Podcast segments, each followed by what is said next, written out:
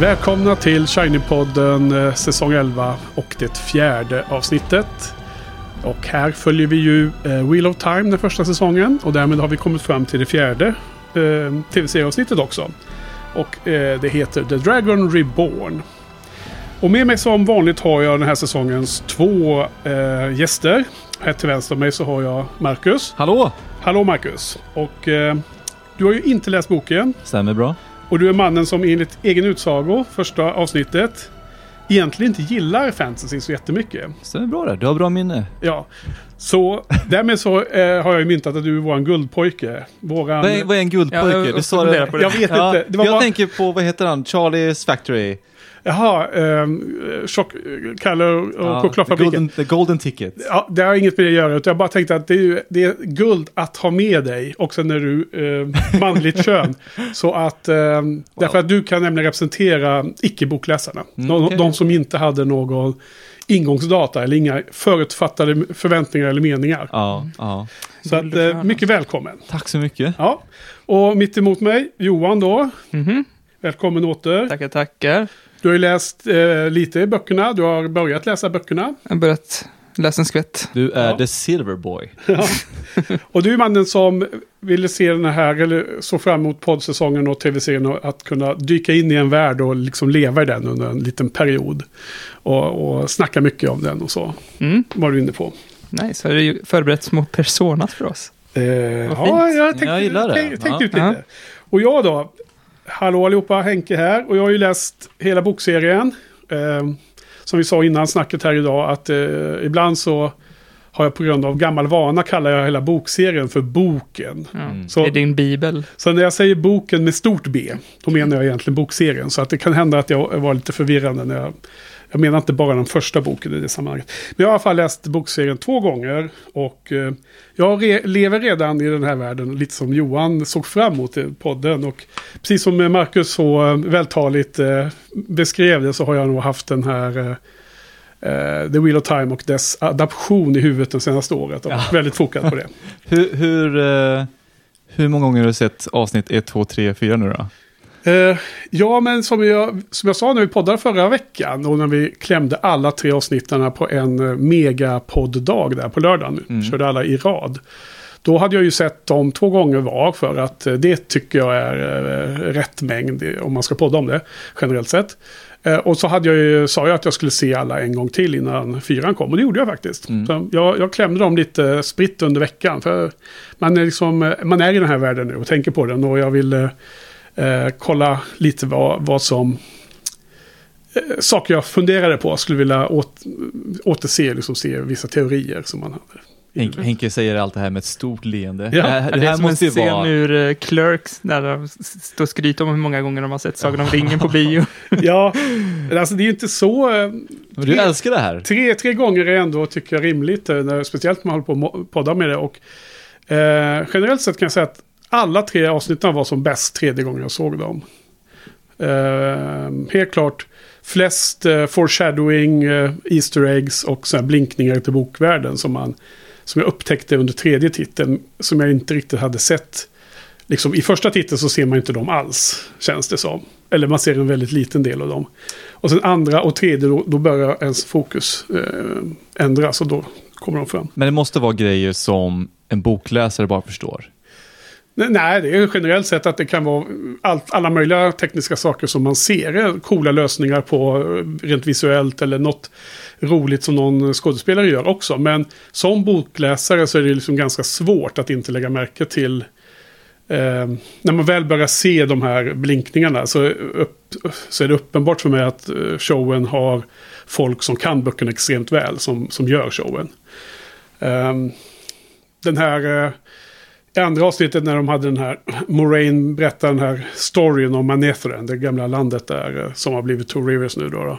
Som ni tyckte var lite långsam och de red liksom bara. Och hon, eh, det, var ju en, det var ju den klart starkaste scenen för mig redan när man såg den första gången tyckte jag. Men där är det väl åtminstone tre stycken skulle jag vilja säga. Eh, tre stycken foreshadowing skulle jag gissa. Det kanske bara är två men med lite vilja kan man få det till tre stycken. Under avsnittet, alltså Un- avsnitt un- två. un- under den monologen. bara den Ja. låtbeskrivelsen. Be- beskrivelsen. Av, av uh, Manetherens fall. Ja, okej. Det var mycket i den, just den lilla fem minuterna alltså. Men bara som ett exempel. Ja, okej. Och den lilla, ja, fyra, fem minuter, tre stycken som jag tycker. Och det är liksom hur, hur filmar de, vem har de i, i, i zoom, zoomar de in på när olika saker sägs, hur presenteras, det kan vara många olika aspekter av det här. Liksom hur, hur beter sig skådespelarna och sånt. Så att, och det här liksom är nästan varje scen för scen kan man det skulle nästan kunna vara en rolig efterhandsövning att bara sitta och räkna liksom. Men det har vi inte gjort. Så att vi ska ju då prata om eh, The, The Dragon Reborn då, fjärde avsnittet idag. Och det var ju ett, eh, verkligen ett avsnitt som det finns mycket att prata om. Men eh, först lite, eh, Johan, vi sa också att om man hade några nya tankar som hade poppat upp om gamla avsnitt så kunde man ju börja diska av dem lite innan vi kommer helt igång, eller? Mm.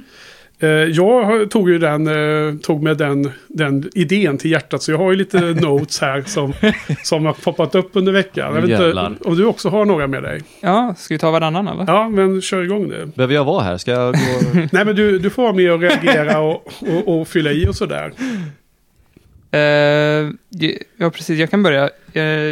Vi- jag skrev upp de här medan vi pratade om det. Jag ska se ifall jag kommer ihåg eh, de här grejerna.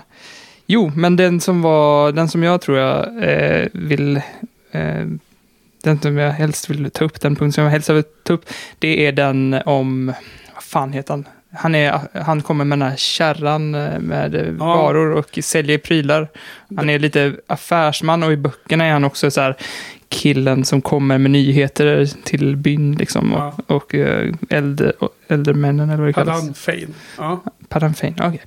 Eh, något som jag la märke till, inte första gången, jo, kan, jo kanske la märke till det, men jag tänkte på det mer andra gången jag såg avsnittet, var att när, när de blir invaderade av Trollocs i första avsnittet där så ser han väldigt inte oroad ut, utan eh, han bara backar bort, typ som Mm. en sån här Homer Simpson-backning in i buskarna. busken. så här. Så han, ser, men han ser nästan lite nöjd ut. Så att eh, där funderar jag på om han, han är en liten jävel av något slag. Och Han är liksom en har- dark friend. Eller vad heter de? Ja, ja, men ja, precis. precis. Friends of the Dark. Dark Friend, precis. Mörkervän. Ja, ja den är, det är en bra spaning. Eh, Okej, nästa spaning då. Ska jag kasta in... Eh, jag, har, jag, jag kör nästa. Eh, jag tänkte på något som du sa på poddningen Johan, tror jag det var. Ja. Du får rätta mig om jag har fel Marcus. Men att du pratar lite om eh, musiken i, film, i serien. Alltså scoren. Mm. So- soundtracket och att det var inte idealiskt att ha kör i scoren.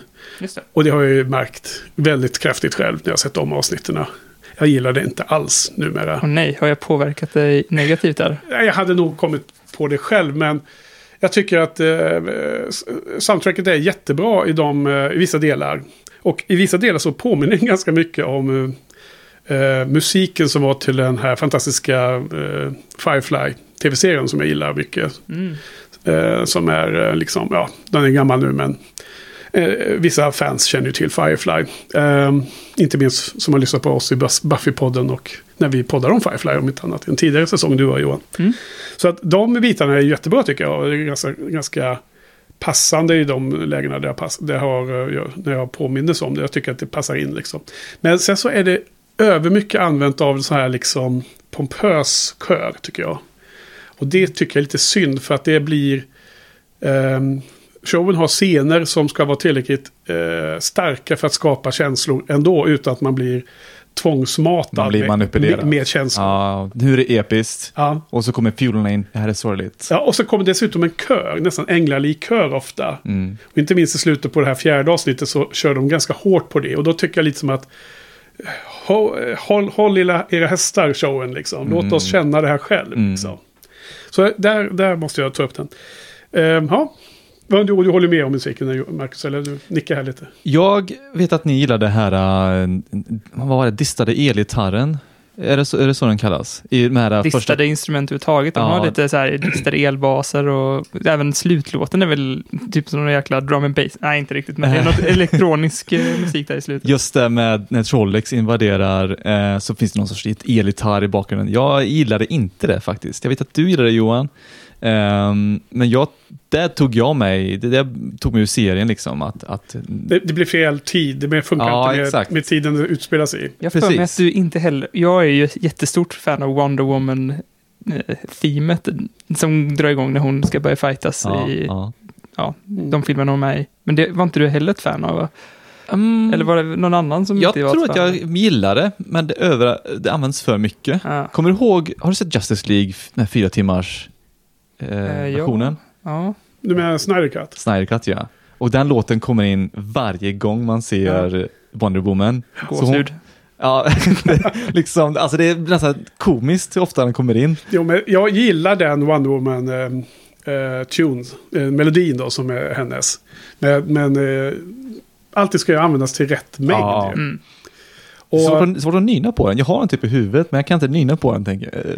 de bästa, som till exempel första Sagan om ringen-filmen, första i trilogin då, Peter Jacksons, där, där är det ju jättebra musik tycker jag. Men de använder dem också i perfekt tillfälle. Ja. Där det verkligen blir som en krydda på en, en, en maträtt som gör att maträtten blir perfekt. Men det är inte kryddan som är maträtten. Det är, det är bara något som man adderar. Det är inte det som är huvudråvaran liksom. Mm. Jag kan känna att blir det för mycket av den här typen av extra kräm liksom. Då blir det, då känns det fel. Ja. Alltså det var inte så länge sedan jag såg om första filmen. Och det är verkligen så här, där är på riktigt gåshud när musiken går igång. Men det är ju också, finns ju scener där det är så jävla lökigt alltså. Och där musiken I, är... i Sagan om ringen? Ja, Ja, där det är over the top där också. Ja. Men, och det blandas ju in så här med nostalgikänslor och så där, så det är svårt att se vart känslorna kommer ifrån Ja. egentligen. Men det är, det är ju verkligen... Man får väl ändå gåshud när de ser Shire och då har en lilla, liten flöjt va? Eller, Ja, ja väldigt precis. såhär uh, melankolisk. Det är over the top, men det funkar ändå på något sätt. Jag- Och jag vet inte ifall nostalgin eh, fuskar där. Okej, men eh, nästa då? Har du någon mer grej som du har kommit att tänka på från de tidigare avsnitten? Eh, vi pratade ju om Perrins fru en del och jag kommer inte riktigt ihåg vad, hur långt vi kom i de diskussionerna, för diskussionerna som vi hade i poddavsnittet och diskussionerna som vi hade utanför poddavsnittet Ja, har in i varandra lite grann, men eh, hon hade ju någon slags attackläge där och folk på internet eh, spekulerat in, kring fall hon var mörkervän och jag hade separat från det också tänkt att så här, inte att hon är en mörkervän, men att, att eh, Perrin hade dödat henne med flit av någon anledning, att det inte var ja. med, av misstag för att, eh, för att det var så himla konstig stämning där mellan dem. Och sen kom ju du med teorin om att hon hade fått missfall och då, då scrappade jag det helt för då allting made sense helt plötsligt. Att han kom fram där och klappade henne på magen makes sense om hon har fått missfall och att, det är, att hon är eh, på dåligt humör makes sense om hon har fått missfall och det är så här lite läskig, inte läskig men så här, Hon, var liksom inte sugen på att gå på festen. Nej, precis. Och det var lite sån stämningen var vemodig, eller vad man ska säga, Ja. där. Och sen fick man också se när de låg i sängen där, att hon hade ärr över sin underarm. Ja, Där kun- kan man, jag tolk, jag har två sätt man kan tolka det på. Antingen att hon, och du hade tredje tror jag, att hon eh, ha- hade något självskadebeteende för att hon hade fått missfall. Det Ja. hade kunnat vara så i alla fall. Eller så är, är det liknande typ av skada som eh, Egwene fick när hon hoppade ner i floden där. Så fick ju hon något, något, något sår på armen. Och det kanske är ett sånt sår hon har fått. För hon har väl gjort det där kvinndomsprovet antar jag. Eh, tidigare. ja Så precis. något sånt kan det vara. Men de visar i alla fall i ärret. Så någon betydelse har det i alla fall. Mm. Misstänker jag. Ja, precis. För att det stämmer att vi pratade lite om det efteråt, vilket var väldigt eh, kul. Och ehm, eh, jag ska kommentera lite det och sen fullfölja med, för jag har också med det som en kommentar här. Men eh, det här med attackläge var ju att hon stod med en yxa över huvudet, såg ut som att hon skulle hugga någon. Mm. Och det var ju mycket snack om att hon skulle vara en dark friend där då. Att det, att det inte var så farligt att Perrin hade råkat uh, ha ihjäl henne. Men jag, jag tror inte alls på den teorin. Utan jag, jag, jag, jag tror att eh, hon var i eh, fighting-mode mot deras gemensamma fiender i den scenen. Ja. Även när jag trodde att, att Perrin kanske hade gjort det med flit så trodde jag inte att hennes attackläge där var mot Nej. Perrin. Ja, och sen, sen uppmärksammade du mig på att hon hade skador på armen. Jag, jag hade inte ens lagt märke till det. Och så letade jag efter och hittade inte. Så fick du, fick du messa och säga exakt här är det. Och där, då, då såg jag det äntligen. Det var när hon låg i sängen med Perrin i en lugn stund. Och det innan attacken. Och det, och det är inte heller när han kommer in och tar henne på magen och säger att, till henne I love you. Ehm, och, och, så det var väldigt intressant. Och det kopplas ihop med den där skadan på armen som Green hade. Eh, så många grejer här. Eh, först då när eh, skadorna på armen så eh, jag trodde ju absolut att Green fick den där skadan när hon kastades i floden. Att det var en, en smäll hon fick mot någon sten där när hon åkte i forsen. Det minns inte jag alls att hon fick, att hon skadade sig där. Nej, alltså för att sen när de, när eh, Egwene och hennes mamma säger till Egwene och Rand att de ska eh, göra klart the dishes och sen så börjar de nice där, ha sin love scene då. då. Mm, just det. Då så står ju Rand och tittar ner på att hon har en skada på höger underarm tror jag det ser ut som. Och då börjar han fråga henne om vad som hände egentligen på den här ceremonin. Men hon vill inte berätta om det för det är liksom hemlis. Det är något som kvinnorna bara får veta, gissar jag. Och eh, sen så såg man att Laila hade också skador på armen. Och då är det lätt att koppla ihop de här. Men det intressanta var att bådas fall. Lailas var ju som är, de var ju redan läkta. Men det var ju Egwenes också. Så när jag kollade om på hennes där Johan så såg jag att det här är ju R. Det är inte ett, ett nytt sår. Så ser, okej, ser det ut okej. som. Ja. Och i, i stunden när man ser scenen då så kopplar jag det absolut till att hon var skad, blev, hade blivit skadad här i forsen. Men nu börjar man undra om det finns en backstory som kanske showen kommer tillbaka till. Därför båda har någon form av skador som har hunnit bli är. Så att det är ett mysterium tycker jag. Sen är det också ganska intressant där när Perrin kommer in och han säger I love you till slut. Då så är det en ganska lång paus. Som är så, här, så lång att det blir awkward om det skulle ha skett i verkligheten. För, för, för han som säger I love you. Och hon spelar det väldigt väl för att man ser att skådespelaren, Laila, hon, hon skakar på huvudet jättelite innan hon säger I know. Alltså lite, lite till vänster höger som, som ett nej liksom. Alltså, så, så att hon menar så här, nej det gör du inte, du ljuger. Eller att nej, jag Eller älskar nej, inte jag dig. gör det inte tillbaks. Eller någonting. Det, det, det bara skapar väldigt mycket mer mystery runt hela den här scenen och vad, vad deras backstory är. Ja, som jag minns det som, Perrin kommer och lägger sitt huvud på hennes axel. Ja, och, Och har tagit henne på magen lite. Ja, Eller och- höften så här lite. Så. Och hennes reaktion att hon vill väl nästan separera lite från Perrin, så hon liksom lutar åt andra hållet för att Ja. ungefär undvika hans huvud eller typ försöka en, någon sorts distans från honom. Ja, Ehm, och då tänkte jag säga att ja, någonting har hänt där. precis. Och, och jag tycker att det liksom bara blir mer och mer mystiskt runt det här. Så att Mm. jag hoppas på att det finns en backstory som vi kom, återkommer till. Men de här ärren på armarna, det, är ingen, det finns ingen lore om det i böckerna? Nej, Okej.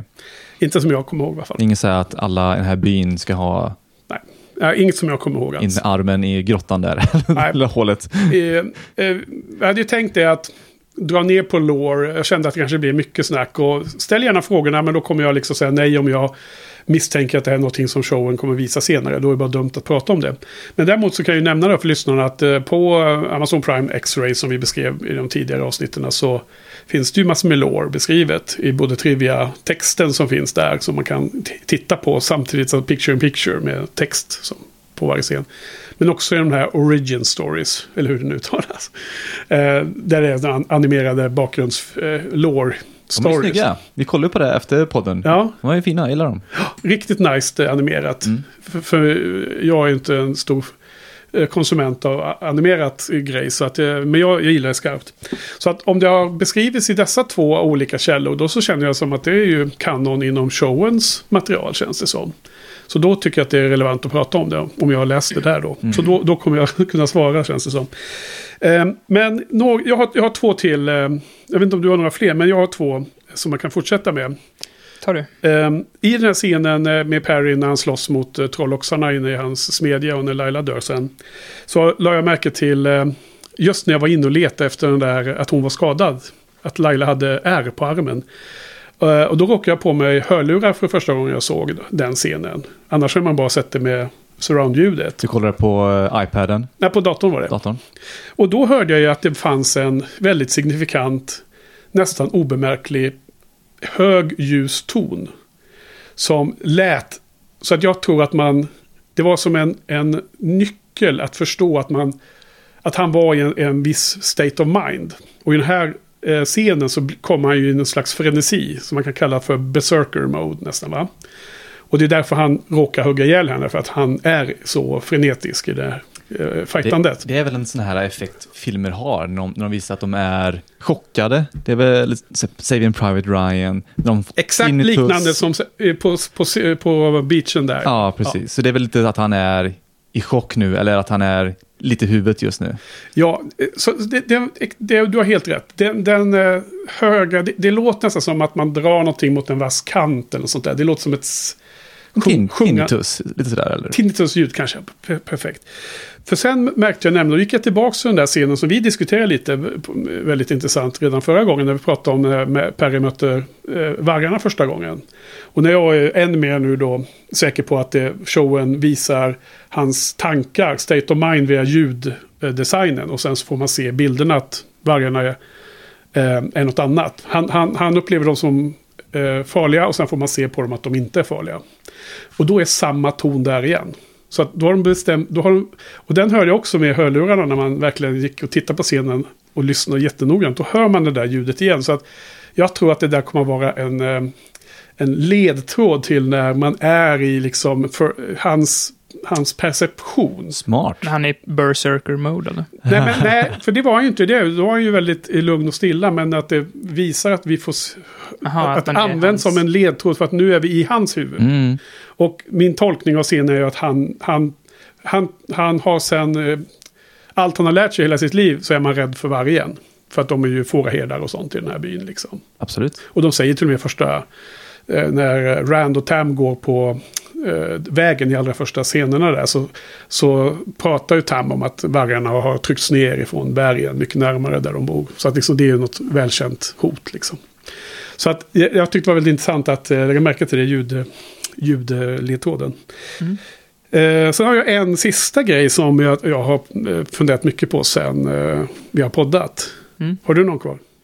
Ja, jag har men, två punkter. Ah, ja, det känns som att det är redan... De är inte lika bra. Okay. Du, du, du, du, du, får fundera, men då drar jag min då. Eh, och det här känns som att något som man skulle gärna ha pratat om mer i podden. Eh, jag tror inte att vi nämnde det alls. Jag tror i alla fall att det första avsnittet då, då i den här ceremonin när man sätter ut lanternor eh, med ett litet ljus i och så, så är det tanken att eh, nära och kära som har dött deras ande ska hitta hem, säger de ju i showen. Jag tror att den är superviktig för de olika karaktärernas backstories. Och jag gissar att man kommer återbesöka flera av dem i showen. Um, man ser ju Rand och Tam hemma på sin gård. De hänger upp en uh, lykta för Rands mamma eh, uh, Kari. Alltså Tams fru som är död det, då etablerar de att, att hon ska ju hitta hem här och Tam säger att det är skitsamma om vi är där nere vid byn, vid vattnet, utan det är bara vi, vi ska ha den här lanternan där vi är, så hon hittar oss liksom. På, påminn mig, vem var Tam? Är det Rands pappa? Ja, ja. de är uppe vid, vid, deras gård som ligger liksom en bit ifrån mm. stan, mm. eller byn. Uh, men han, han, jag tror att den, uh, det är en väldigt fin scen och jag tror att de har använt det för att vi ska, vi ska få veta vad den där ceremonin betyder så vi kan tolka det vi ser sen då. Och det är nämligen nere vid vattnet. Då, då är det som tre ganska signifikanta shots som är dominerar det man får se. Alltså kontexten är att det är många olika bybor som lägger ut lanternor. Mm. Men de zoomar in på bara ett fåtal av, av dem och det är våra, våra huvudpersoner då. Och man ser så är ensam och sörjer, gråter det känns ganska rimligt att det är den här mentorn, den gamla, gamla Wisdom, eh, den här kvinnan som blev hennes adoptivmamma, som hon sörjer. Som gick till Vita tornet. Ja, hon som, eh, hon som blev eh, eh vad heter det? Hon blev liksom avvisad av Vita Vad var det? Hon var inte tillräckligt bra va? Eh, nej, ni har ju fått, fått historien som hon har levt med hela livet. Att, att hon var för smutsig och hade för dålig dialekt och att hon blev avvisad för att hon var mindre värd. Mm. Och därför så var ju Nynaeve jättearg på alla Aes Sedai. Mm. Men jag, min tolkning är ju att det kanske bara var något som den här gamla, eh, den här kvinnan, eh, det var hennes liksom förklaringsmodell eller efter ja, förklaring. Men jag tror ju att Aes Sedai bedömer potentialen och sen så har man inte stark potential nog så, man, så får man inte plats där. Det är alltid så när, någon kompis får sparken. Ah, jag fick sparken. Ja, varför Mm. det för? Ah, de är jävla idioter där borta. Ja, eh, jag var helt normal. Jag Ja. gjorde mitt jobb och så fick jag sparken plötsligt. ja, exakt så. Jag var tvungen att kolla på porr på datorn. Ja. Jävel. Ja, precis. Det kunde också ha något med det att göra. Så att Naiv är ganska enkelt. Men sen har vi två intressanta. Och då är det, först ser man Perrin och Laila. Och då står de verkligen ihop. Inte den där samma feeling där man får att Laila drar sig tillbaks. Som du pratade om alldeles nyss, Marcus. Och då så står de och sörjer någon. Och då undrar man ju lite, vem är det de sörjer? Och då, då känns det ännu mer så här troligt att det kan vara det här ofödda barnet då, då som en förklaringsmodell. För visst, det kan vara någons gamla härliga eh, morbror eller farfar eller mormor eller sånt där. Det kan det vara, men de står ihop och sörjer något ihop, ser det ut som. Var det någon annan storlek på den här lampan? Ibland kan man väl ha en mindre lampa och visa att det är ett barn eller? Eh, det var inget som jag la märke till i scenen. Nej, okej. Nej. Och sen den sista viktiga, det var ju att det var hela familjen Cawthorn, alltså Mats föräldrar. Och då hade vi ju sett att pappan var liksom, höll på och var otrogen, antyddes det ju, eller, eller Ja, det såg ut som man höll på att ragga upp med andra tjejer där. Ja, att han var liksom inte lojal i alla fall. Och mamman var ju typ alkoholiserad. Mm. Och Matt var ju... Eh, han gick ju så långt att han till och med stal det här armbandet för att han skulle kunna köpa de här lanternorna. Som han fick av Paddan Fane då, för armbandet. Så att helt plötsligt ser man dem stå väldigt kärleksfullt allihop ihop. Både pappan och mamman. Precis som Perry och Laila så ser det ut som att de verkligen eh, har den här högtiden ihop som familj. Och eh, systrarna står ju och håller om mamman om, om eh, liksom kjolen sådär. Och Matt lägger, sätter ner de här lanternorna i vattnet. Och då tänker jag så här att det, det är något syskon till Matt som har dött här.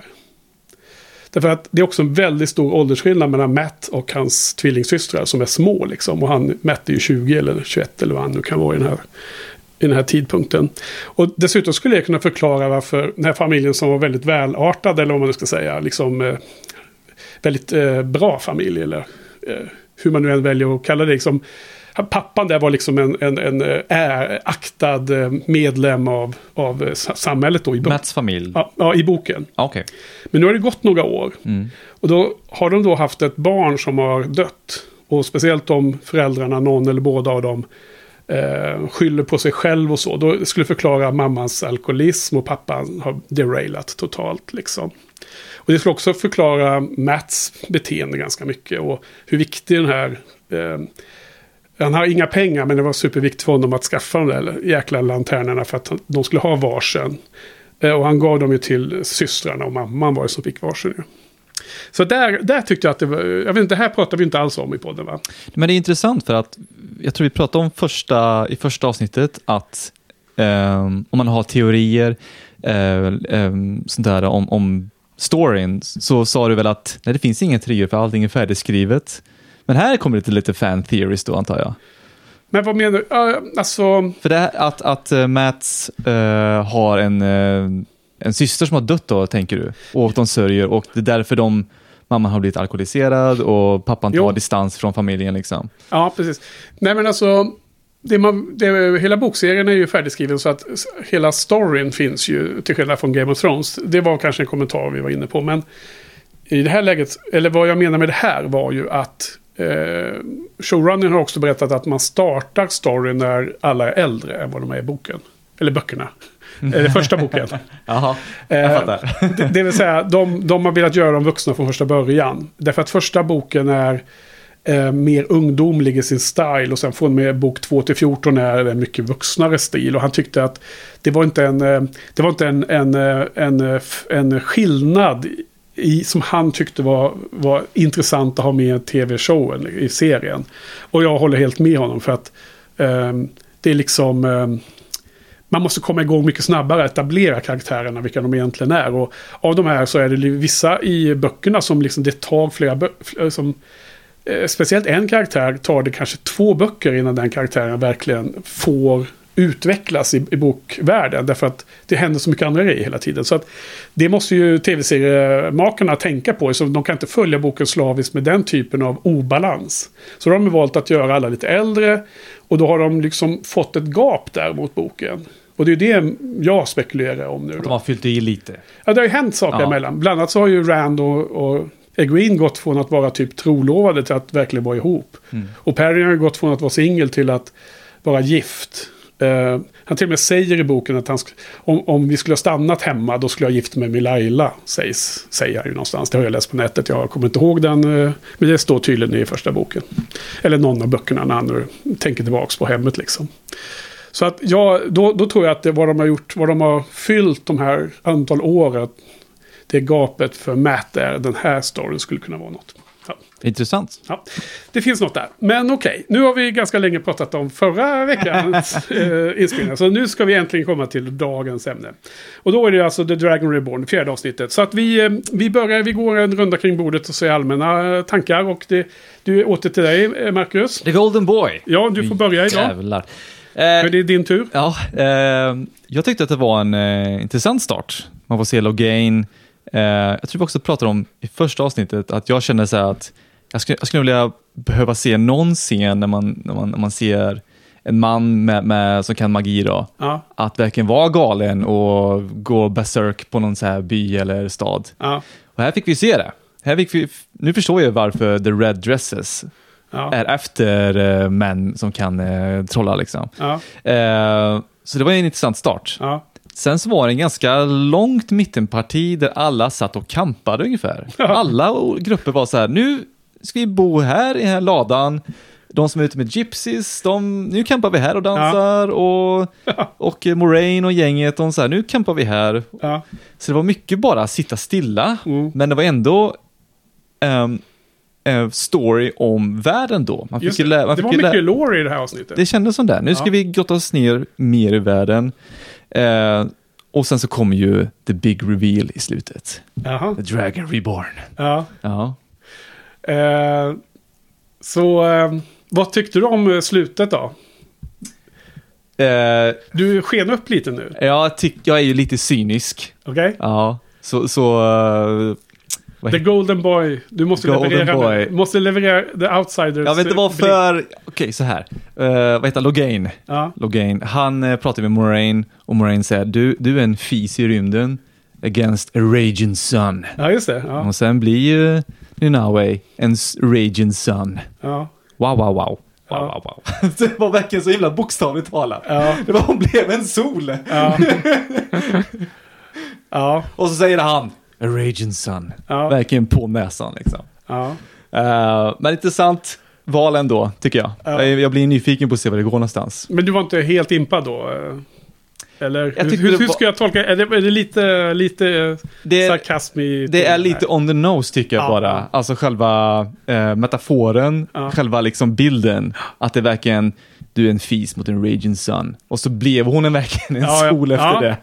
Och han Intressant. säger det igen. Ja. Eh, det är bara jag som är cynisk, jag vet. Ja. Eh, Nej, men det, det, det vi, det, allt det här måste vi bryta ner i eh, mycket mer detaljer, absolut. Och, eh, men vad tyckte du om den här perioden när de kampade överallt i världen? oavsett var de var. Och det var mycket lore och mycket berätta om saker och ting, hur det var liksom i världen. Var, var de bitarna intressanta eller var du uttråkad? Ja, jag har faktiskt sett det avsnittet två gånger nu. Ja, oh, nice. Så jag såg det första gången på fredagen och sen när jag skulle skriva mina kommentarer så hade jag på det i bakgrunden och kolla på det. Ja, Eh, så det finns ju mycket småsaker Ja. som man kan gotta sig i. Eh, framförallt är det ju mest intressant med Moraine och vad heter hon nu då? Waters. Ja, hennes, ja län är hennes. Ja. Och sen alla andra Sedai har ju eh, noll, en eller fler. Ja, det var ju bara kul att se dem interagera Ja, med varandra. absolut, ja. När man får se gröna Aes Sedais och röda och... Fanns det några gula där? Nej, inga det. Det finns ju sju olika färger då, Mm. typ. Eh, och eh, här var det röda och gröna. Och så Moraine är ju blå då. Mm. själv. Vad hette hon nu då? Hon i röd klänning. Leandrin, hon som är lite Leand- ledare av de röda. Hon har ett enormt huvud. Ja. Jag gillar henne. Jag, Ja. jag vill se mer av henne. Ja, hon har någon sorts liten, liten smörk alltid på ansiktet. Man ser att hon har någon sorts annan plan. Okej, hon ja. försöker typ manipulera folk eller så hon har ett eget Ja. litet uppdrag liksom med, med är en andra. Snake. Och det känns lite snake Nej, ni alltså. kallar henne för Snake, det första hon sa ja. Efter. Just det, det sa Ja, jag. Just ja. det. Ja, men jag håller med naiv. Ja. Och, och eh, styrka då av hela avsnittet jämfört med det vi såg innan då? Var det liksom... eh, Det bästa? Pekar det uppåt, pekar det neråt? Pekar det lika? Jag ska säga att det pekar uppåt. Mm. Det blir bättre och bättre. Kul. Mm. Ja, ja roligt. Eh, Jättekul Johan, eller hur? Att höra Marcus eh, Mm. analyser framför allt. Så det, det får du gärna keep, keep them coming. Johan, vad tyckte du då om det fjärde avsnittet? Eh, ja, alltså förväntningarna inför den var ju ganska stora. För att jag de här, det har ju funnits sex avsnitt eh, florerat bland eh, recensenter. Just det, det har. Och, eh, Sex av åtta. Och eh, det- det har ryktats om att i avsnitt fyra, där lägger de i nästa växel. Liksom, att det, Jaha, från och med avsnitt fyra, där är det bara fullt ös. Så att man var ju väldigt nyfiken på hur, eh, hur det skulle bli nu i avsnitt fyra. Och, eh, men jag har typ hela tiden tänkt att eh, så här, jag pendlar hela tiden i mitt huvud mellan så här, nej, tyvärr Henke, det här är fan inte bra alltså. Det är, det är plastigt och ytligt och det är liksom skådisarna är så himla ocharmiga. Och sen liksom, går den liksom andra, andra dagen, det är kanske så här årstiden också, man är, humöret är fan svajigt nu alltså. Men, Ja. Och sen så är det så superintressant, så den här, jag har också sett avsnittet två gånger, så andra gången så var det, så upptäcker man, alltså, jag- man måste typ se de här avsnitten två gånger, för att i alla fall jag, för att jag, tapp, jag när de sitter och kampar, jag tappar fokus och lyssnar inte på dem. Och bara, det här är för tråkigt. jag kan inte lyssna på det där. Och så nästa gång jag kollar på det så här, fan det här är ju jättedjupa diskussioner, det är jätteintressant. ju. Alltså, ah, det är så jävla svårt där, men, men eh, ja, de här knåparna till exempel, de ha- hade jäkligt svårt. du för- menar uh, Tinkers eller? Ja, precis. Ja. Ja. Svenska översättningen. Jaså, okej. ja, jag försöker hålla mig borta från svenska översättningen. Vänta, vad var det? Påminn mig. Den här vagnkaravanen som Just Barry det, and Green. Eh, zigenar. Gypsies tror jag. Ja. Ja, de, de är zigener, men också någon slags, eh, ja, någon annan religion där. The Way of the Leaf. Ja. Ja, men precis. Eh, ja, och så, så att, eh, och sen det kändes ju som att hela avsnittet alltså, var, det kändes som en säsongsavslutning. Gjorde det. Ja. Eh, så att jag, det blir väldigt intressant att se nästa avsnitt. Men det, ja, de blir ju, jag håller med, de blir ju bättre och bättre och intressantare och intressantare. Men alla problem som vi har pratat om tidigare finns tyvärr kvar. Liksom. Ja. De, de är inte borta. Och till exempelvis är när de, ja, det är två grupper som kampar där. En grupp eh, är ju knåparna och en grupp är eh, de här Aes Sedai-gruppen. Och då ska de ju ha en sån här scen som, som bara är till för att de ska vara charmiga och eh, prata och hänga med varandra. Och de är inte charmiga alltså. Ja, Tyvärr. men det är lite förvånad. Jag tycker vi- flera av de här är charmiga, men så är jag lite Ja, förvånad. Jag, jag, jag är... Det, du är inte ensam.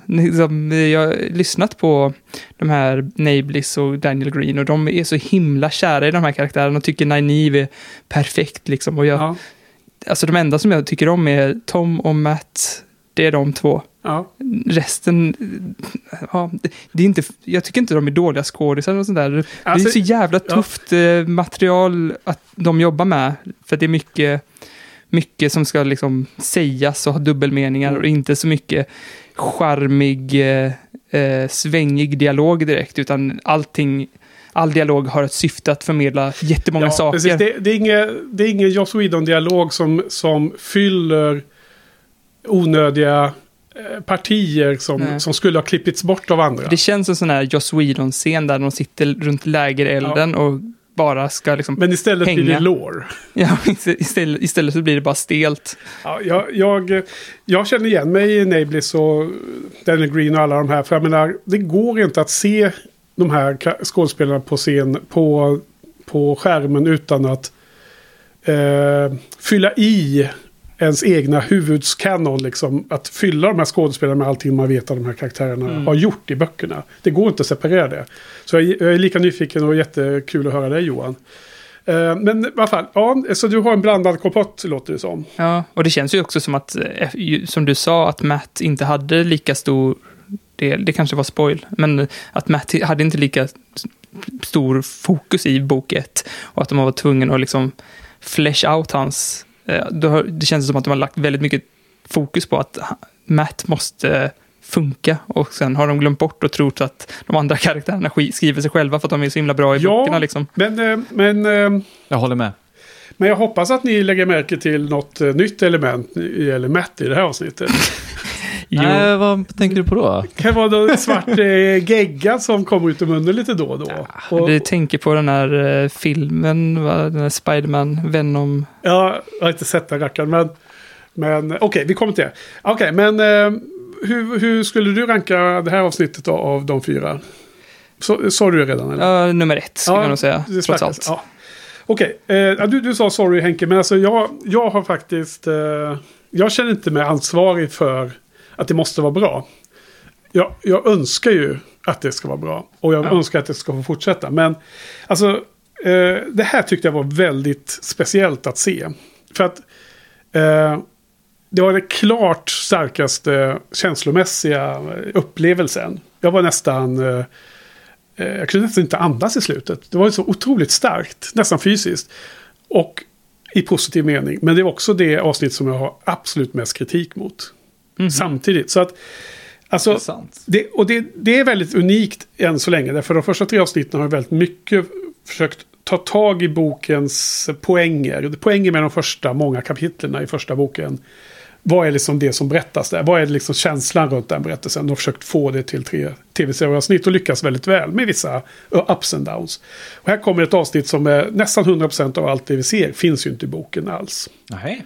Så att det här är ju liksom, jag är lika mycket nybörjare på att se de här storylinesen som, som ni är nästan. Det, jag menar det här med att de, de har, i boken så har man ju fångat Logain vid något tillfälle. Man får aldrig se det, man får aldrig veta exakt vad som hände. Moraine var ju inte där, Nynaeve var inte där, Leandrin var inte där. Alltså allting är komposit för att dra ihop massor med stories och lyfta Logain som blir en större eh, karaktär. Var det inte Le- Leandrin som fångade Logain? Jo, jo. Ja. Men, men det är liksom... Ja, nu, nu kommer jag inte ens ihåg. Det kanske var att det nämndes någonstans i en passus att hon var med där bland de som fångade honom. Men det är liksom inte en en fokus i boken, i böckerna. Det bara liksom nämns att han är fångad nu. Men nu har man ju valt, och det visste man ju innan, att Logain får en större roll. Och det är superfine. Det, det är så här det blir med adaption, så det är fine. Men att få se så mycket händelser eh, runt allt det här med Logain, det är helt nytt. Eh, Green, okej, de, de reser med The Tinker, så det är väl, det är väl taget från boken eh, väldigt mycket. Och, och Matt, eh, Rand och Tom, det är också en komposit av väldigt mycket, fler, många kapitel som händer då. då. Så att det, det vi får se nu, de här liksom specifika scenerna är ju liksom inte något som man sitter och bara eh, matar in så här då. Och det är lite lustigt det här då. Eh, eh, det, serien handlar mycket om att finna balans mellan saker och ting. Vi pratar med yin och yang, den här, den här vita böjda tåren som heter The Flame of Torvalon och den här svarta som heter Dragon's Fang. Och eh, det är liksom den här balansen återkommer i min, min känsla runt den här, det här avsnittet. För att som de också säger här i, i showen redan. The Dragon Reborn will break the world or save it. Och det är lite, lite både och som gäller för mig här. För det var liksom det, det bästa av det bästa liksom tycker jag hittills. Men det sämsta av det sämsta också. Så att jag är superkluven. Och för att tala ur, ur skägget så är det... eh, avsnittet är ju nästan, ja det är i princip max för mig fram till det är 15 minuter kvar. Så hela slut, hela det som du, som jag gissar att du menar på när det, när det kändes som en säsongsavslutning, tycker jag är riktigt problematiskt av flera skäl. Som har att göra med hur saker och ting implementeras i adaptionen. Hur vissa förhållanden i styrkeförhållanden och sånt är.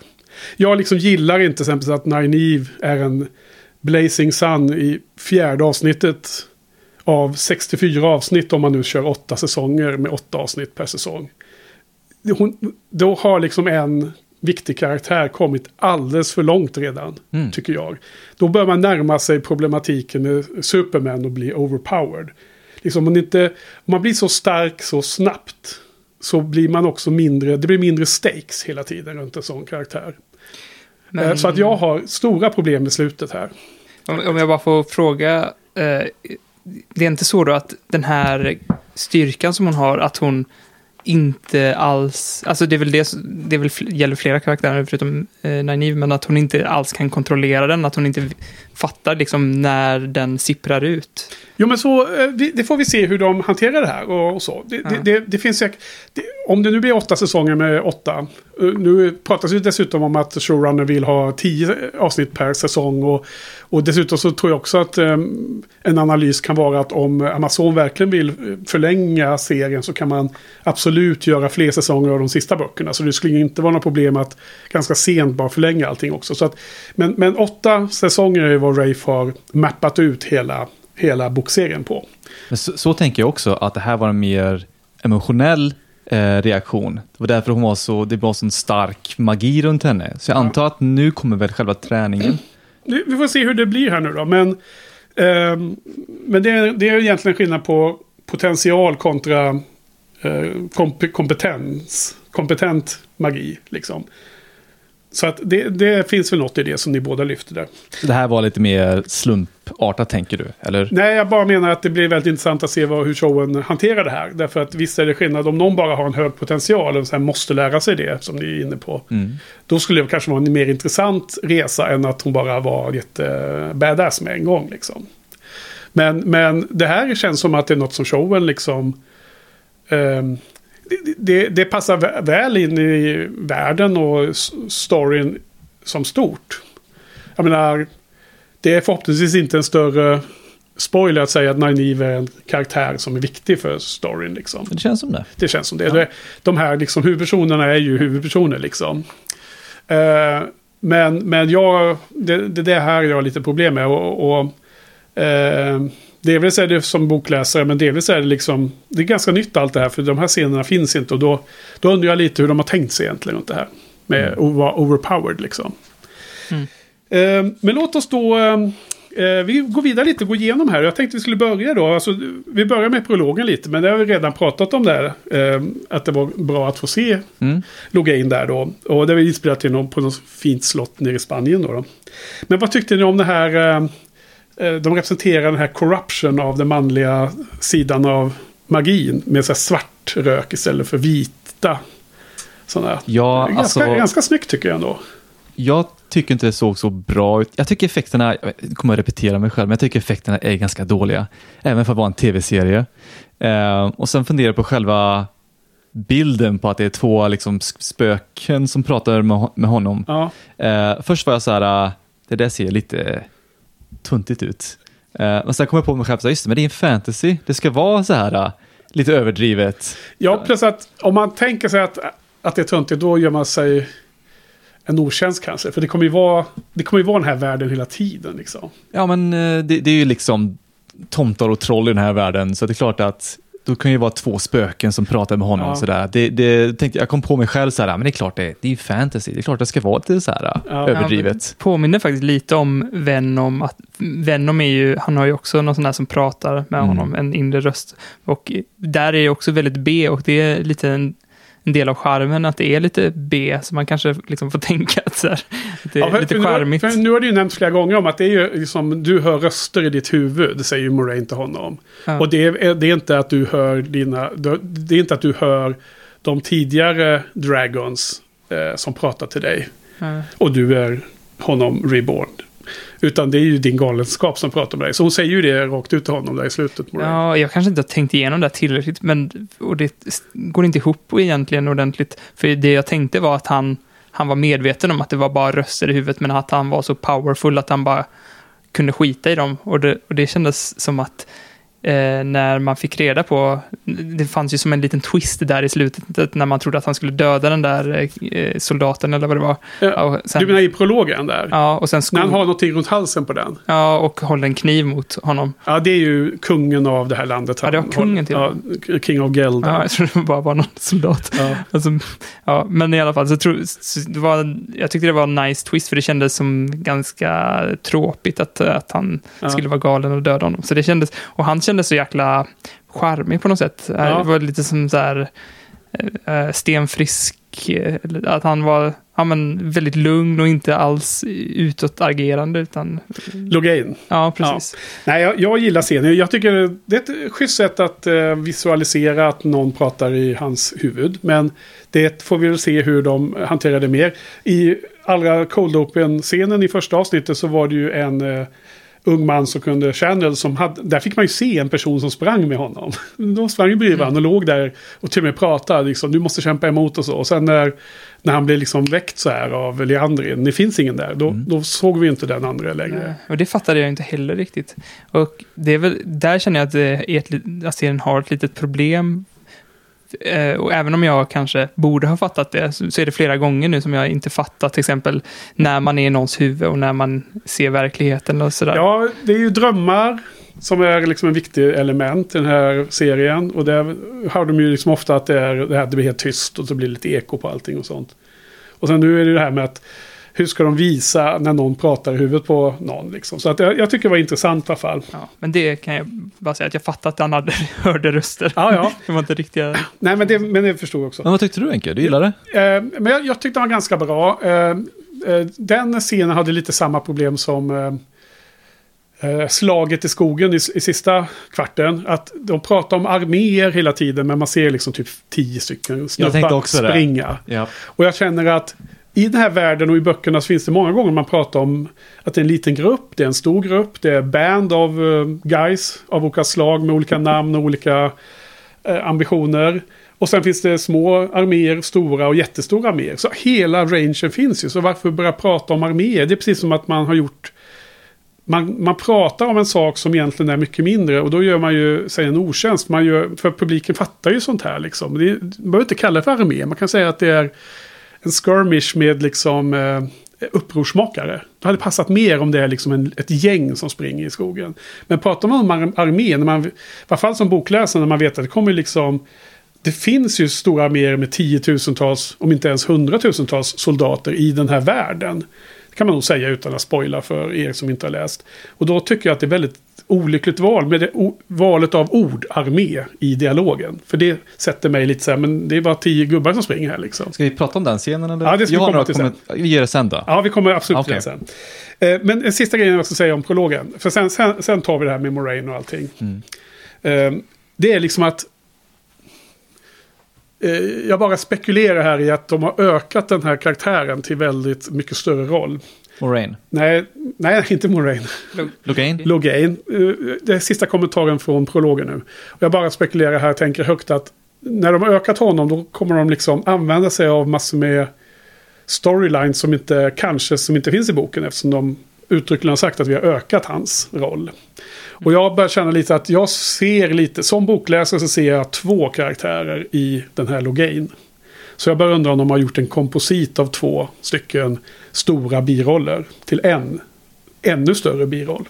Så det är min lilla spaning som jag kastar ut här för de som är bokläsare som lyssnar på podden. För det var väl i avsnitt tre också att de hade tagit två städer va? Till Ja. en Ja, stad. och, och även här är det en komposit när det gäller att effektivisera. Matt och Rand går ju på en... Det är många kapitel där de bara Uh, re, eh, travels liksom. Och de stannar i olika byar och olika gårdar och olika familjer och interakt, interak, har interaktion. Och nu har de dragit ihop det här till en sån då. då.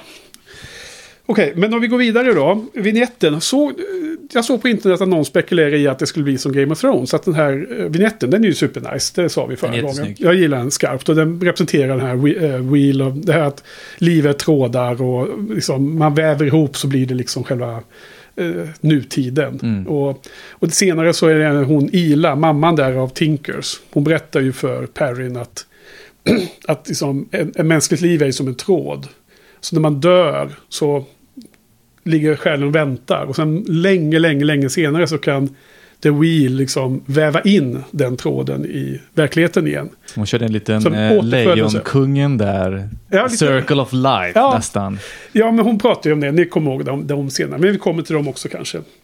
Men i alla fall, då såg jag på nätet här att eh, de spekulerar i om eh, den här vignetten skulle ändras allt eftersom. Att den skulle ha utveckling av vilka figurer som vävs fram. Det vore en ganska cool grej. Då tänker jag, det var ganska effektivt på Game of Thrones där de efter säsong beroende på var säsongerna utspelade sig så hade man olika delar av kartan som man såg. Ja, jag var helt eh, lost i den där Game of Thrones-kartan varje gång. Så att jag, Alltså det var inte så effektivt där. inte Ja, för det- min del, men det för var mer andra. uppenbara grejer som man kunde märka. Ja, Typ trädet var plötsligt med där i Game of Thrones-introt. Ja, ja okej. Eh, men då, då så ska vi ta, det är tre olika små grupper. Så vi börjar med den med Moraine och Lan och Nynaeve då, som då avslutas med hela den här stora eh, badass-scenen. Eh, Den är ju mer än hälften. Eh, på X-Ray så har de någon slags kapitelindelning. Eh, en del kapitel är jättekorta och en del är väldigt långa. Så att, men i medel blir det ändå rimligt. Och då såg jag att det var liksom mer, klart mer än hälften. Så det är ungefär 60% av all speltid, om, om inte lite mer, som är om det här. Mm, det kändes som det. Ja, och först är det ju det här med att eh, de håller på och kampar där. Och man får lära sig massor med grejer om, eh, om olika aspekter om eh, sådär och sådär. Så vad har ni för några kommentarer runt, har ni några mer kommentarer, några mer detaljer som någon vill lyfta upp? Ja, det enda jag tänkte på att alla verkar avsky Moraine. Alla var så här, när hon kom in i ett rum, ah gud, Moraine är här. Eller de här, vad heter de nu då, Eh, de som skyddar uh, Ice och Dice? Warders. Waters, de, och de frågar Land, så här, hur fan klarar du av att hänga med Moraine eller? Hon är ju världens jävla bitch! Så här, hur fan fixar du det? Ja. Varför avskyr folk Moraine för? och varför, varför trashtalkar de Moraine framför Lan? För Ja. De är väl kompisar? Och de trashtalkar Lan också. Vad heter hon? Nanaiway? Ja, Mm, butchare, Nynaeve. ja. Hon kastar ju Lan under bussen också. Ja. Såhär, vet jag trackar den jäveln. Ja, ja. Ja, Jävla klantarsel. Ja. Och, så, och så var det en annan som såhär, du tappade bort hästar eller vad det var. Han ramlade från en Ja. häst. Något sånt där De hade någon eh, War Stories där, ja. Ja, trashade Lan och Moraine hela tiden. ja. Ja, de är opopulära. Varför är de det för? Alltså, eh, som jag tolkar den här scenen eh, är väl att hon är så... eh, Hon är ju på sin quest, hon är så fokuserad. Ja. Det är en väldigt bra scen när, efter de har suttit vid elden och när Län och hon eh, har en liten moment inne i ett tält där, där de sover. Eh, och det- för det, det är en så rolig scen därför att det slutar med att man eh, lyfter upp det här med att när, om Län har druckit alkohol så blir hon ju berusad. De Ja, var ju på väg blir hon ju att också. kyssas också, ser det ut som. Ja, det där är ju... Det där eh, Det någon- ser ju inte jag alls. De stirrar in i varandras ögon ganska länge där. ja, men Får det jag också... backa lite Ja, där eller? ja. För i, i första avsnittet så har de, badar de och du pratar Marcus om att det var så här, jag vill ha lite varmare. Om du, förstår, om du förstår vad jag menar. Men eh, jag tolkar även efter att ha sett om det som att så här, det är precis tvärtom det de vill säga med den scenen. Att de är så himla eh, avslappnade med varandra. Att Mm. så här, det, de blir, det blir inte ens hot när de är nakna med varandra. Liksom. Men eh, här i den här scenen så är det ju eh, en, de här gröna som verkar vara lite så här krigar, eh, Battle Aes Sedai, eh, de kan ha flera warders och de kan också snuska, eh, jag läser på Reddit att, eh, att, att kriga makes you horny and hungry, precis Ja. som eh, från Buffy. Ja, Ja. det. Ja. Ehm, men att eh, då hintar de om så här, jag känner mig lite trött. Och då var det liksom så här, wink wink, vi ska, Precis. vi ska liksom ha sex med varandra. Och sen så säger Lan bara, "Ah, jag känner mig också lite trött. Precis Ja, men- som att han också ville så här hinta om att han minsann också hade Ja. sex. Men, Ja. men så var det bara att de satt och höll varandra i handen. Så- Alltså, jag, jag, jag tyckte, jag har också märkt till den eh, eh, roliga twisten i dialogen. Att det här Alanas två warders som satt där och kramades. De hade ju, det såg ut som att de skulle iväg av värsta trekanten ju. ja. Det var väl härligt. eh, för dem. Och de, när han pratade om trötthet var det ju för att eh, hoppa i sängen med Alana hela tiden. När, Ran, när Lan pratade om det så var det något helt annat. Det var det jag tyckte var ganska snyggt med den dialogen. För att sen när han kom in där så, Moraine blir ju... Eh, eh, vad, vad sa du? Vad, vad, hur Emotional. Emotional. Därför att de hade så länge letat efter The Dragon Reborn. Och de hade tappat den personen. Mm. Eh, och att jag tror att de blir trötta av, och alla skämtar om Moraine därför att hon är så seriös i sin quest. Det, det är så jag läser de där scenerna. Inte att de har en eh, love thing igång. Nej, jag menar andra Ice och Dice. Ah, Andra har- Moraine är här nu. Fuck it. Jo, jag vet, men alla tycker... Så som jag läser det är lite som att de tycker att de är, hon är för seriös i något sätt för, på, på, ett, på ett vis. Det, det är så jag läser in det. Liksom att hon är för... Pratar aldrig om sig själv och... och Ja, precis. Hon är lite för eh, fokuserad, eller en, enspårig. Medan hon, Alana då, jag kommer inte ihåg vad skådespelerskan heter, men hon är ju så jäkla härlig här i det här avsnittet. Hon är ju den som spelar sin... Vem? Hon som har två warders och hon som är green. Ja, okej. Hon, hon, det är hon som berättar om vad Green Adja är. The Battle Adjas. Hon uttalar det så härligt också. Hon som läker Moraine, va? Nej, det är Kareen. Okej. Utan hon som, jag tror hon har indiskt ursprung, ursprung, eller är indiska, hon som spelar Alana. Hon är superhärlig. Eh, för hon spelar sin roll med glimten i ögat väldigt mycket. Och det, är- det är ju någonting som vi har saknat och som också har lyfts här i podden tidigare. Eh, det är hon som står, är uppe i skogen och, och kastar massor med explosioner. Just det. När den här armén anfaller. I Ta det sen, jag har Ja. kommentarer på det. Ja, men i alla fall. ehm, jag kan bara några kommentarer då. Eller har du något mer Johan du vill lyfta upp om eh, campingfasen i de här scenerna? Mm, nej. Tyckte ni att de hade för rena vapen fortfarande? Ja, tusan. Kom igen nu. Ja. Det är, som sagt, jag kommer säga samma sak, men ja. produktionen är dålig. Effekterna är dåliga. Jag, jag, jag håller med om det. När de, när de tränar Län och eh, han Steppin. Så har ju de, speciellt Steppin har sina två yxor där som ser väldigt eh, blänkande ut. Sen in world, i, i kontexten den här världen så kan man motivera det med att Sedai kan med sin magi rengöra kläder helt utan problem. De kan rengöra metall och allting. Det är den ena förklaringsmodellen. Den andra förklaringsmodellen är att det finns så här power, alltså magi, eh, vapen som är gjorda genom magi. Och de blir aldrig, eh, de behåller sin eh, sharpness hela tiden. De blir aldrig eh, blant. Jag vet inte om vi har nämnt det, men jag och Johan pratade om när vi såg trailern första gången att allting såg väldigt rent ut. Det var inga scratches på vapnen och, eller deras armor. Ja. Så det här är väl liksom det vi pratar om nu då, att jag fortfarande irriterar mig på att det är inga scratches på deras vapen och grejer. Men du har en...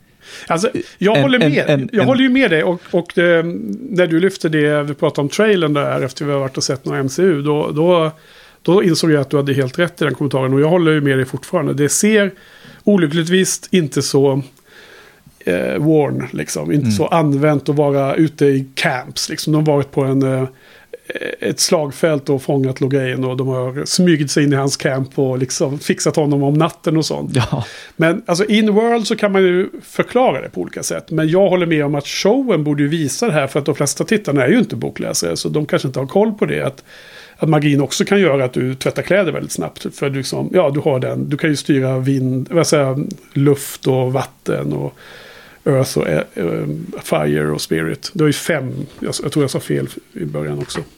Men vilket fall som helst. ehm, jag, jag vill lyfta flera olika saker här nu då. Men ehm, eh, en sak som jag då tänkte ta upp. Framförallt är ju den här väldigt bra scen som är innan det börjar balla ur där precis i slutet. Det är ju mellan Nynaeve och Lan. Så han, han står och håller en lit, han gör en liten eh, prayer för sina ättlingar. Säger han ju. han har alltid en ceremoni där. Han har lite tid.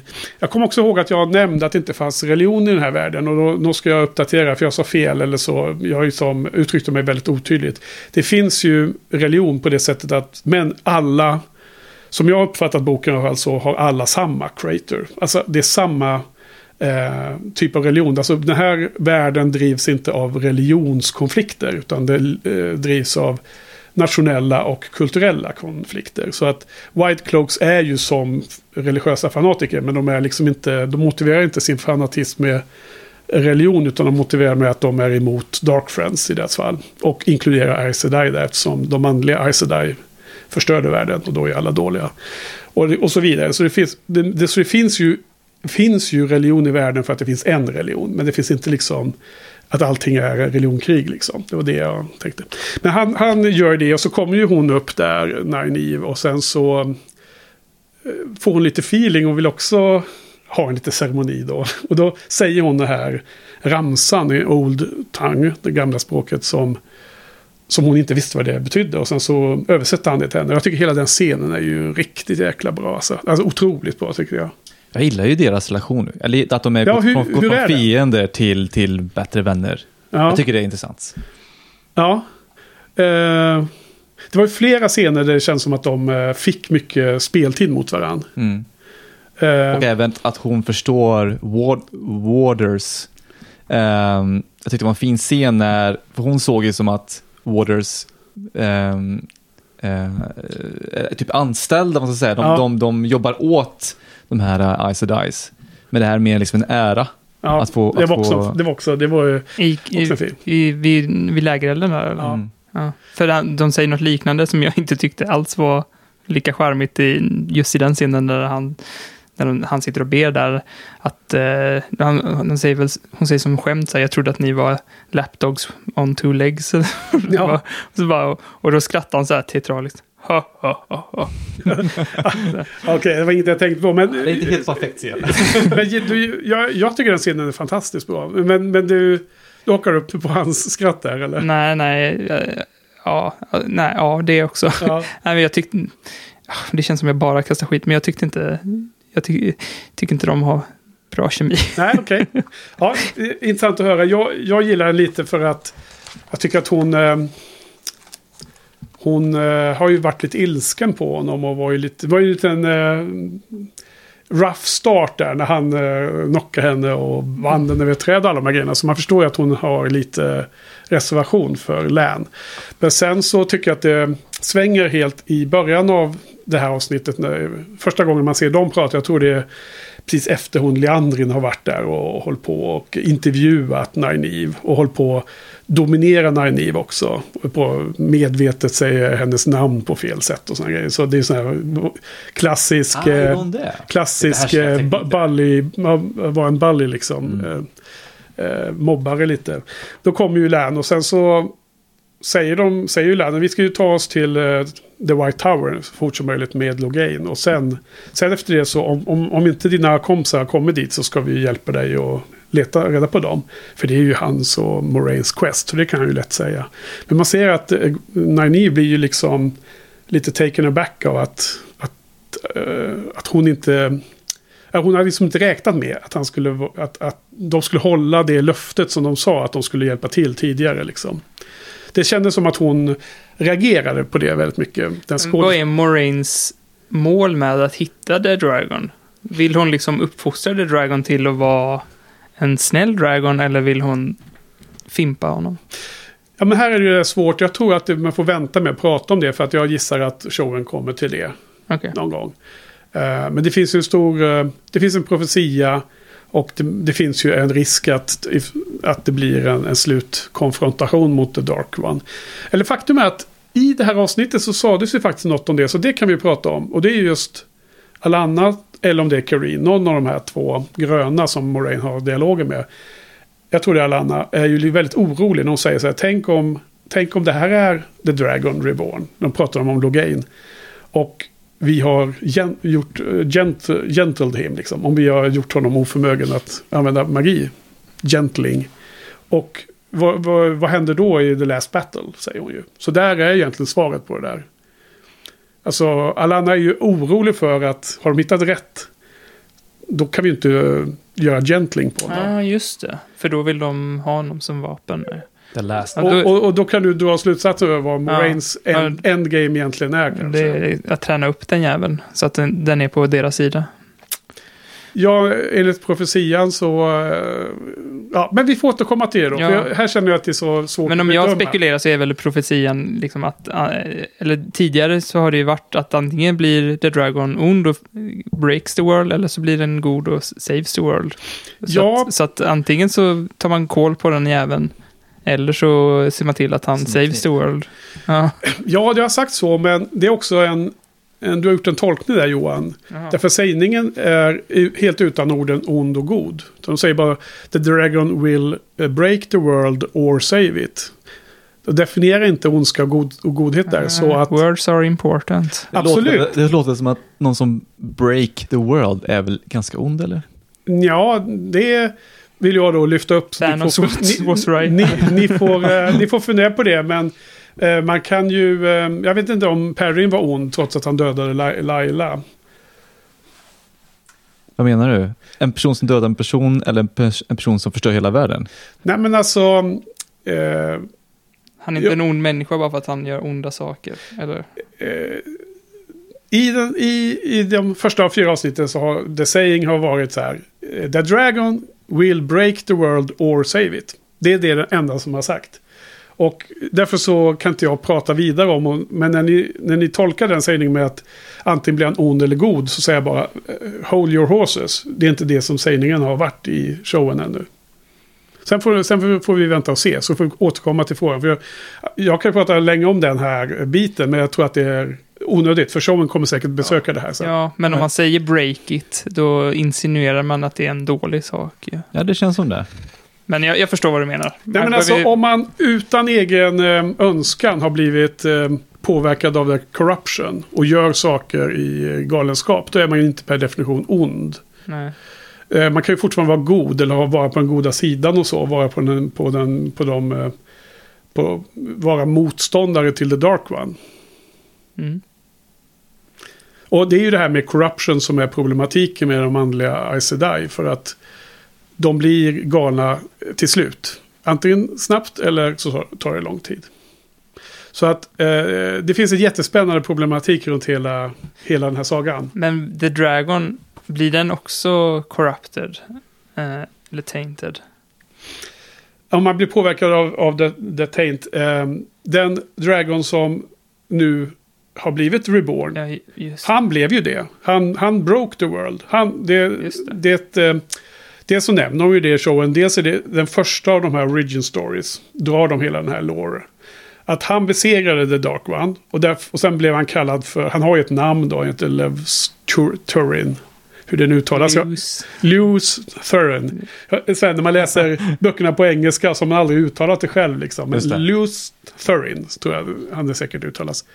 Han eh, besegrade The Dark One och sen blev kallad för The Dragon i, i, i, ja, i folkmun. Men han blev ju påverkad av The Taint, eller The Corruption som de kallar det i showen. Och som slutade med att han och alla andra manliga Aes bröt sönder jorden så att hela, hela, hela eh, alla kontinenter och allting bara blev helt omflyttade och allt, alla städer och allting försvann. Ju. Det här är den första The origin Great story. Shuffle. En great shuffle och typ, man förstår det som att mer än 90% av alla människor dog och sådana saker. Dem. Så det var lite um, bra att vara prepper där och vara redo att leva, leva i skogen några år innan saker och ting lugnar ner sig. Han igen. har en bunker. Ja. Han kan gömma sig. Ja, Dragonborn. Typ. Så, att, så att han var ju allt annat än ond. Eller han var ju den, den ledaren av de goda på den goda sidan. Men han fick ju den här, det blev ju den konsekvensen av The Dark Ones eh, sista mot, motslag liksom. Så att eh, kommer det här då åter, kommer det här eh, cykliskt hända igen eller inte? Det är det som är den stora frågan. Ja. Mm. Men jag tycker i alla fall det är en väldigt fin scen. Så jag gillar den scenen. Och eh, det här är nog väldigt eh, olika om man är bokläsare eller inte med Nynaeve och, och, och Lan. Men jag gillar det här. Nynaeve är liksom lite mer... Hon börjar bli lite mer uppmärksam på län, känner jag det som. Och när hon säger det här på The Old Tang och han översätter det. Jag tycker det är en väldigt fin scen. Och med, med tanke på att hennes föräldrar liksom har gömt undan henne och sen dött och sådana saker. Liksom. Och eh, sen så är det så rolig eh, dialog där för att Eh, hon säger någonting om det här med Lapdog. Jag, jag liksom, du var inte alls det jag trodde du var, säger hon ju till Anne. Och, och han i sin tur tilltalar henne Wisdom eh, Almera, liksom väldigt formellt. Vilket jag tycker var väldigt fint av honom. Liksom han gav henne den cred till den roll som hon har varit så, haft så svårt liksom att motivera som ung och sådär. Och kanske blivit ifrågasatt så här, som man får en känsla av. Eh, och då, då säger han till henne så här, och du var allt annat än vad jag... Eh, nej, så här, hon säger, det är ju tvärtom. Så här, han säger, du var inte alls det så som jag trodde. Och sen säger han då tvärtom, du var precis som jag trodde. Jaha, vad är det då, frågar hon. Och då börjar ju slaget. Mm. Så då säger han, ja, jag måste springa nu liksom. Mm. Wait, det, är, kul- det, är wait. kul, det är kul för att, jag tror du nämnde det um, någonstans mellan episod 1 till 3, att, att dialogen är så här, någon frågar någonting och så plötsligt så avbryts alltid och någonting annat Ja. Nu tänker jag också på det och det var Ja. så här, ja, vad precis det här Henke pratar om. Det Ja. vägrar svara på frågan. De tar till och med upp det här nu, att Moraine vägrar svara på frågor. Ja, var det därför inte gillar henne? För att hon liksom är så jäkla, äh, vägrar svara på saker. Vad Och... heter din jävla hund? Ja, vad, vad, vad var det för scen? Va? Ja. Hon försökte typ uh, lura Moraine så här. Ja. Visst hade du en hund? Nej, det får man inte ha. Man får inte ha hundar. Nej, precis. Ja, men det, men där, där fick man känslan av att de hade mycket historia ihop. Att det var liksom en scen som bara visar att de har massor med så här gammal his, history. Liksom. Det är som man snackar med en gammal studiekompis vad som hände i Uppsala. Men det tyckte jag faktiskt var fint, att de gnabbade så himla mycket och sen så i slutet så där stod de i, ihop så här och kämpade mot uh, False Dragon. Ja, men då kommer vi till själva slutet på allt det här. Då. Det blir som en battle. Och sen så blir det, det med Logain som eh, i fl- flera olika runder. Om vi tar battle ute i skogen först. Då. Hade du några kommentarer runt det eller? Ja, precis som du sa med att eh, nu kommer armén. Eh, Logains armé kommer nu. Och det kändes som att det var tio pers de filmade om och om igen i olika vinklar. Jag tyckte hela det här slaget var ganska rörigt och antingen kan det vara en poäng med att det ska vara rörigt för att det är krig och man inte förstår vart man är någonstans men ibland var de omringade, ibland var armén på kullen sprang ner Plötsligt var kungen där nere, han dog. Jag kommer inte ihåg, men när fick, när fick han en smäll? När dog han då? Så Jag tror han dog i någon av explosionerna som Alana, Och det, Alana eh, kastade iväg. det, det förstår man ju på ett sätt, Ja. men de visade aldrig. Det var så himla rörigt. Nej, men jag håller med dig. Det var en dålig... Alltså, alla sådana här krigsscener i alla typer av filmer man tittar på. Då vill man att det ska vara att man som åskådare har koll på vad olika Mm. eh, folk i scenen befinner sig. I relation till varandra. Var någonstans är de onda, vart är de goda, var är huvudpersonerna och så vidare. Och jag tyckte att det har man inte löst på ett bra sätt här. Det håller jag helt med om. Det var lite tv-serieaktigt löst. Eh, Det var lite klumpigt.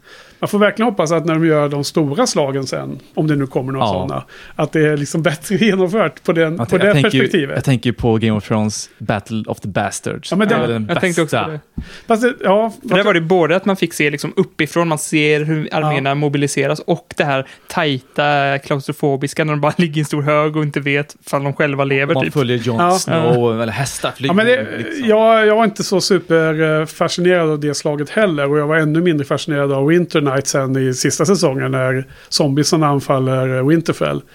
För där är det ännu värre. Eh, dålig så här, eh, logik i krigsscenerna. Man ser någon person som blir liksom nästan omringad av och ska snart dö. Och sen klipper det och så nästa gång man kommer tillbaka till den personen så är den bara helt fri. Liksom. Ja, Och så var det om och om igen. Och jag tycker det är lite samma med Battle of Baser. Så att här finns det mycket att, vi, att hämta. Det håller jag med om. Men uh, Winter Night, hette inte det där i, i Two Rivers också, Winter Night? Ja, okej, jag kanske kommer ihåg fel. Eller heter det samma i båda Jag, jag serierna? funderade på det, varför det hette Winter Night i Two River. Ja, jag vet, jag, det finns någon, jag tror att de bara döptes till det. Jag tror att det själva ö, attacken från Trollocs döptes till det. Liksom, typ. Mm. Eller? Nej, vänta nu. Det är ju någon vårfest de har. Så att jag tror att det kanske är namnet på själva högtiden. Ja, just det, så kan det vara. Ja, nu, precis. Men hette det, förhoppningsvis hette det inte Winter Night i Game of Thrones då? Det är bara jag som... Jag Det skulle vara ett passande namn. Ja, för det, det var, Winter ju- is coming, Winter det var väl night. tredje avsnittet i eh, säsong 8 eller sånt där som det var det där slaget. Det var natt i alla fall. Det var ju så vin- mörkt, och det man var såg ingenting. Men den är väl känd för att vara ett så dåligt avsnitt, Ja. eller ett dåligt slag, för man såg ingenting. Alla betedde sig rätt korkade också. Vad var Ja. de här hästfolken som bara red ut mitt ute på slagfältet, allt var mörkt Ja, det var och försvann. Men eh, om, om man ska tänka på slagen överhuvudtaget i, eh, jag tänker på eh, Wheel of Time nu, så har de varit väldigt lika och ganska fantasilösa. Att de så här, mycket shaky cam och sen, och det, jag, jag är inte så mycket emot det shaky cam om det har ett syfte så här. Men här känns det som att de bara försöker dölja vad, vad som händer. Så här. Mm. Och eh, det är så konstigt också för att den här eh, ljussättningen som jag klagat så himla mycket på, att eh, det, det gör ju att man ser allting så himla tydligt. Men här försöker de dölja allt. Om de bara hade liksom inte varit så himla tydliga med allting så hade de inte behövt ha så himla mycket skak i kameran Ja. känns som. För det hade blivit, jag antar att det hade blivit ganska fånigt om man inte hade haft skak i kamera och hade haft den ljussättningen som de har. Jag vet Okej. inte. Men även när de blir så jagade av vargar, då är det så här in i buskarna och skaka med kameran och så Trolloxen anfaller, då är det liksom skak i kameran. Så, eh, Trolloxen kändes den Neverwinter, Nevernight heter den inte, den Winter Night eh, attacken, känd, där kändes den lite motiverad för att det skulle vara desorienterande. Ja, liksom. eh, men det hade varit nice också. De kanske ville få in den här kaos-feelingen i den här scenen också då. Det är det jag tänker på. Antingen är det poäng att, att Ja. de är eh, kaos. Överraskade, Eh, Ja, precis. Att de är omringade och det är kaos och sådär. Eller så är det ett ganska känt Hollywood-knep om en person inte kan fightas. Typ Liam Neeson-filmer. Då klipper man om, man klipper, klipper, klipper så man inte ser hur dålig han är på, på, på fightas. Ja. Jag tänker, jag tror det här är fallet. Ja, eh, just det där har de ju sagt att det har varit så himla mycket träning på fighting skills då. då men men eh, det är väl på vissa karaktärer kanske. Sen kanske inte alla statister och alla extras har det samma. Men vilket fall som helst, oavsett vad som är skälet då så tycker jag inte att den är speciellt effektiv. Man, man får liksom inte en känsla för att någon... Vad som händer riktigt. Så man vet inte hur illa ute är Alana till exempel. Eller man vet inte vad som hur är maktbalansen mellan de som anfaller och de här. Och generellt sett så tycker jag att det känns som att de har...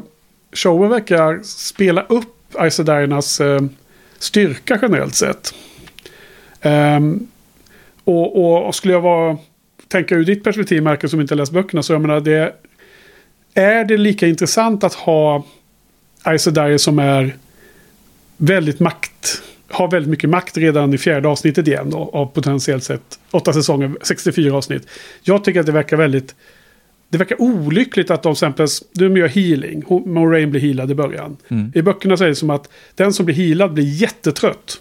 För att den har ju, kroppen har, gått, har fått eh, mobilisera sina krafter för att bli helad. Men också den som healar blir trött. Men här är det som att upp med en gång, nu är jag helt återställd.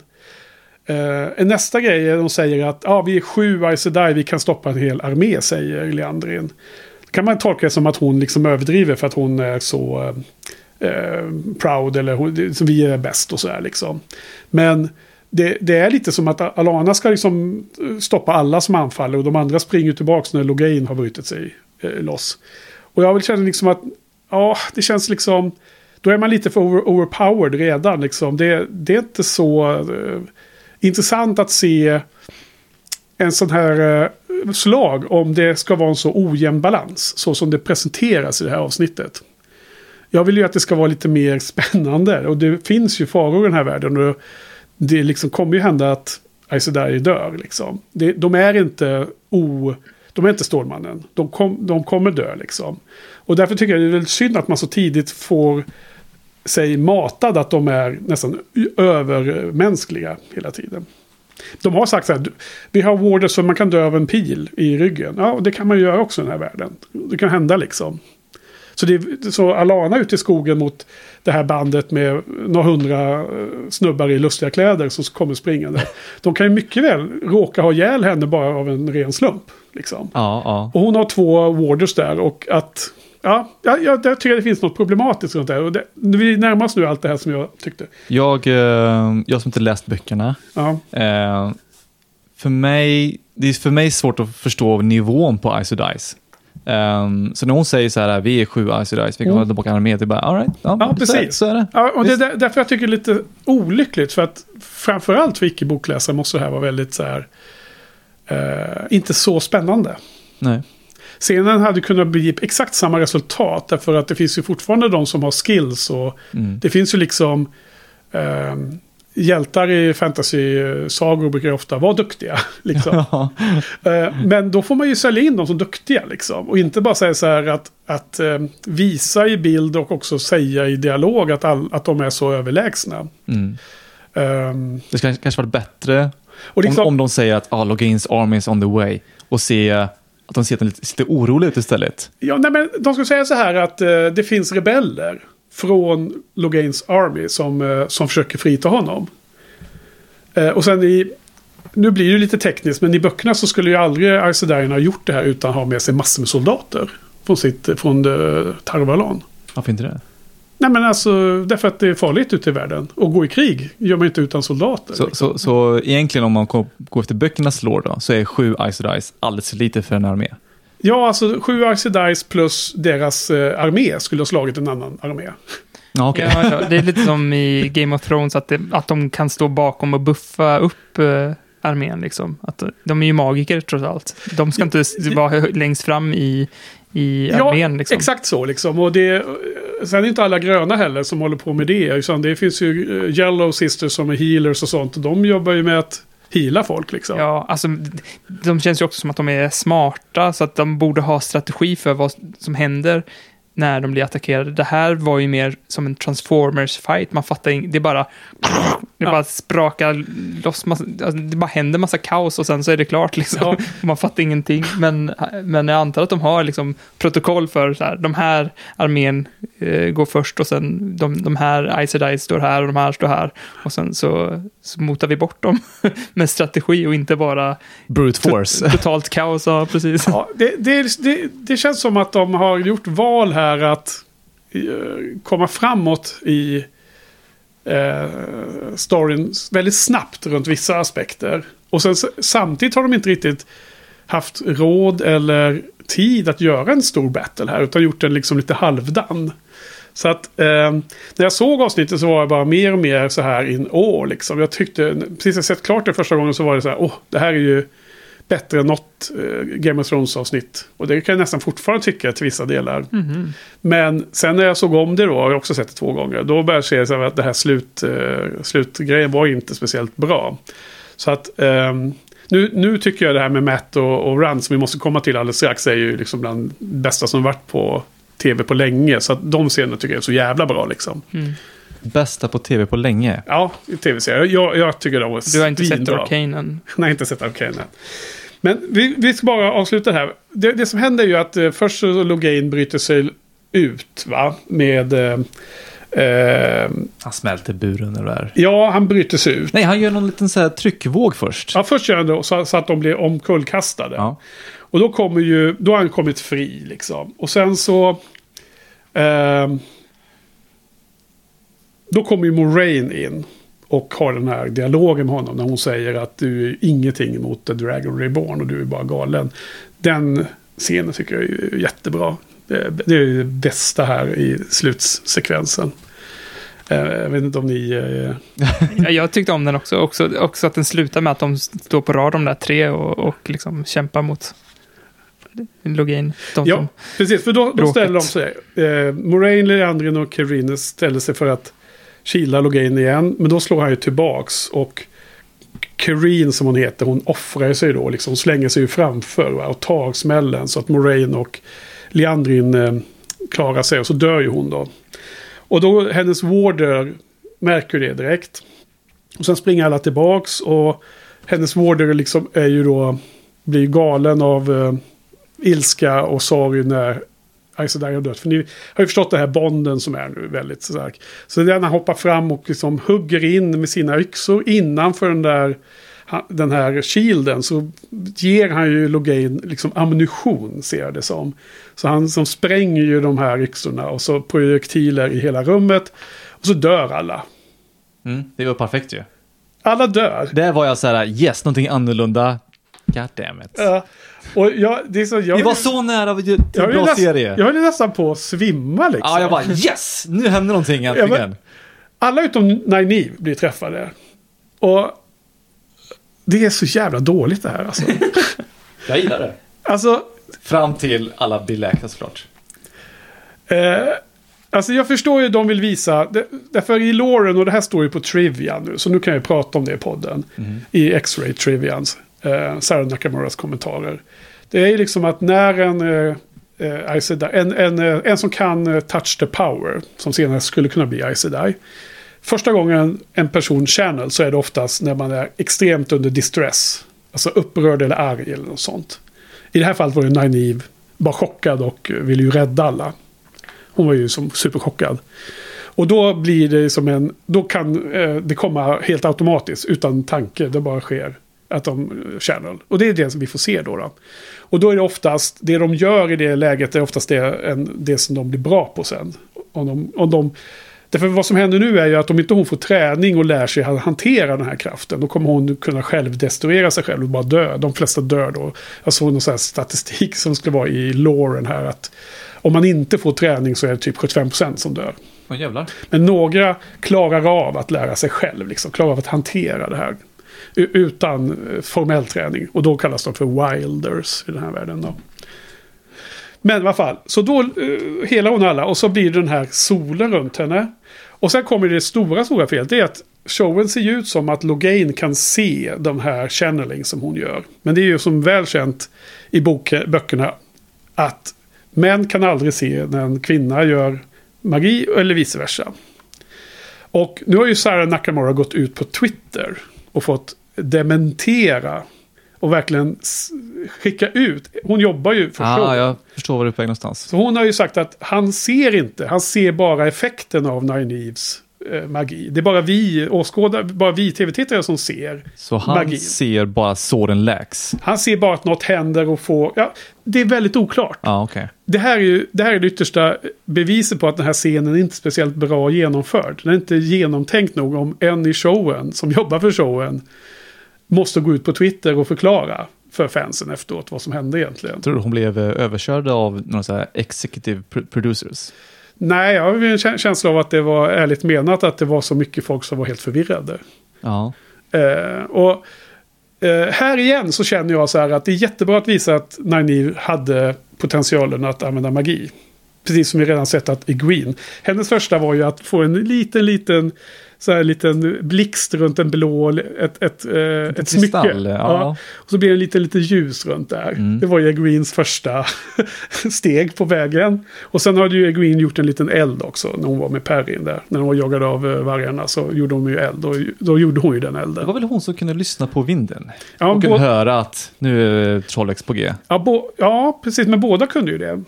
Nynaeve lärde ju, pratade ju med eh, Egwene där i första avsnittet om att eh, lyssna i vinden och så. här. Men här blir det ju så. Det, problematik med OP igen här liksom. Okej, fine om det är bara hennes potential som nu visades liksom. Hon kanske inte kan det här så väl då. då får vi verkligen hoppas. För det är så himla tidigt i hela serien då. Men jag tyckte att det blev... eh, Det måste ha funnits något sätt att kunna göra det här till en, en mer rimlig introduktion av att Nynaeve har möjlighet att använda magi. Nu kändes det som en serie, s- säsongsavslutning som du sa Johan, va? Sa du inte det? Liksom, det, det blev ett sån chock. Och det, min jämförelse med Game of Thrones är att det är liksom mer likt säsong 8 det här. Där man gick för chockverkan. Men så fort man ser om ett avsnitt eller börjar tänka på logiken hela så bara inser man att det här var inte speciellt. Ja, man börjar bryta ner Ja, avsnittet efteråt. Ja, just det. Det hände. fan, That doesn't hur fan make any hänger det här goddamn ihop sense.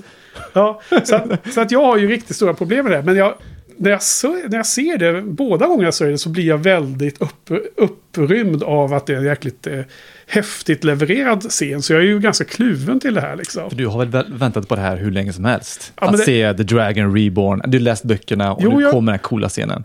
Första gången. Det, första- det är liksom... Jag, jag, jag bara antog Ja. att det här är från böckerna. Ja, ja, nej men eh, nu fick vi se Nynaeve göra något med eh, The One Power för första gången i showen. Mm. Det här är inte samma, det är inte ett till ett till första gången hon gör något med The Power i böckerna. Så för mig var ju det här en väldig överraskning.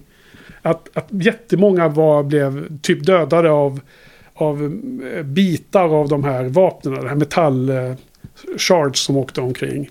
Och eh, Moraine fick ju, eh, såg ut som att en sån här handtag till en av yxorna fick hon rakt genom midjan och län med halsen och allt det där. Såg väldigt hemskt ut. Och eh, jag hade känt det som att om man ska hela en person så är det superkomplicerat att göra det. Det är liksom min förväntan.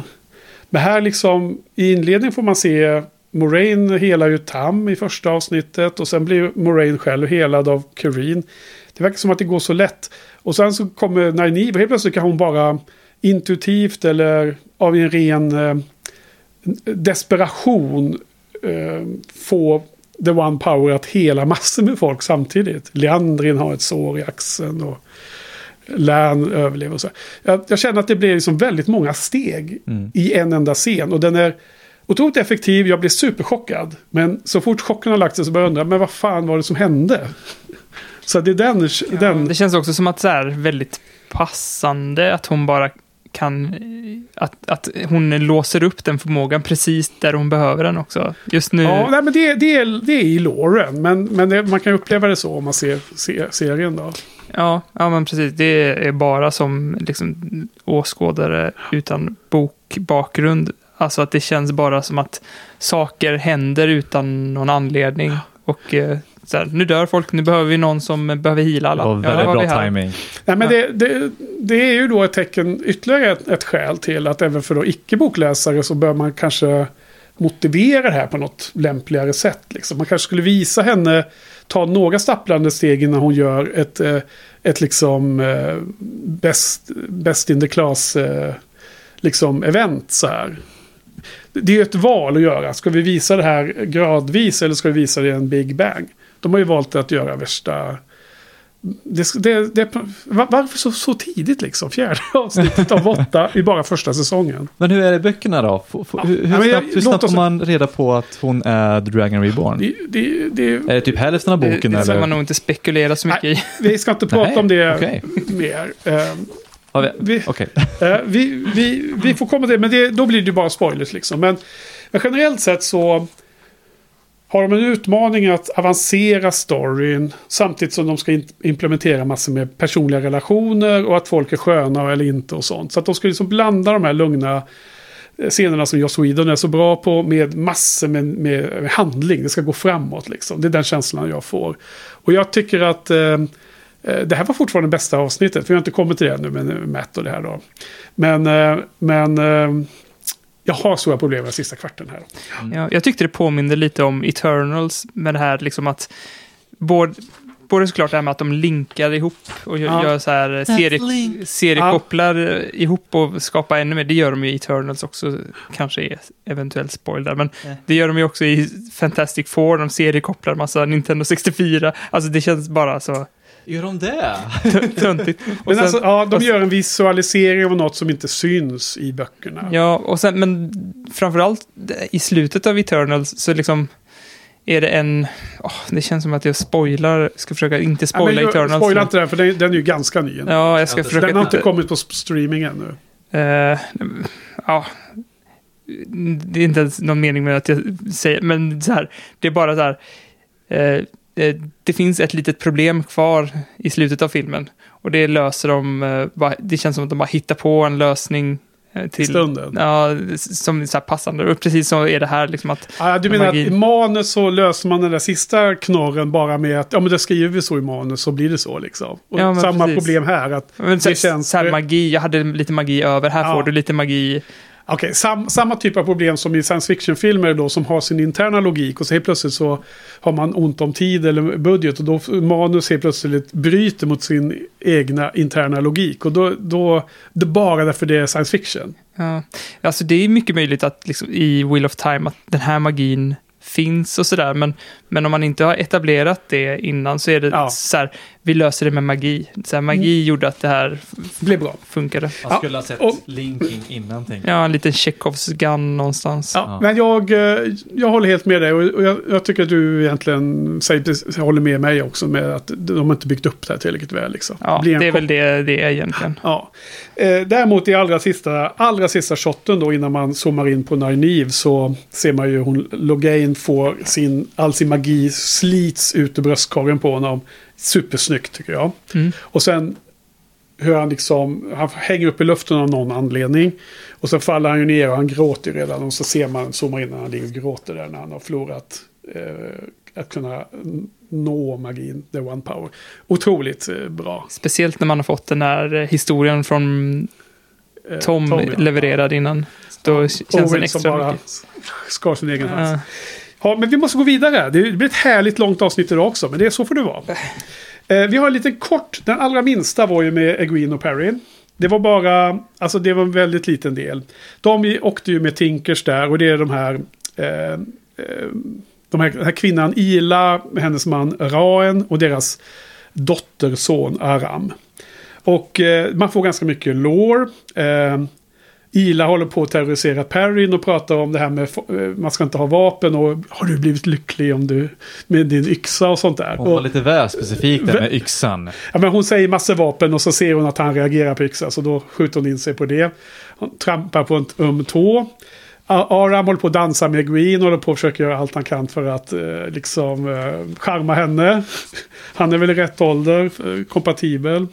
Per, Kompatibel. per, Perrin lagar ett vagnshjul och får massor med beröm. Och sen kommer en jättefin scen ändå. När hon Ila sitter och berättar om dottern och vad som har hänt där. Och även pratar om det här med återfödsel och så i den här världen. Jag tyckte den var väldigt stark. Hon pratar om dottern som blivit mördad. Vad tycker ni? En av två gånger tyckte jag det var väldigt bra. Eh, Men vilken var det då? Det var jättesvårt att veta om det är första eller andra gången du menar det. Ja, det var andra, första gången så tyckte jag det var jättetråkigt. Andra, Ja, men andra bättre att det var så- andra gången. Bra Johan, bättre. Jo, men precis.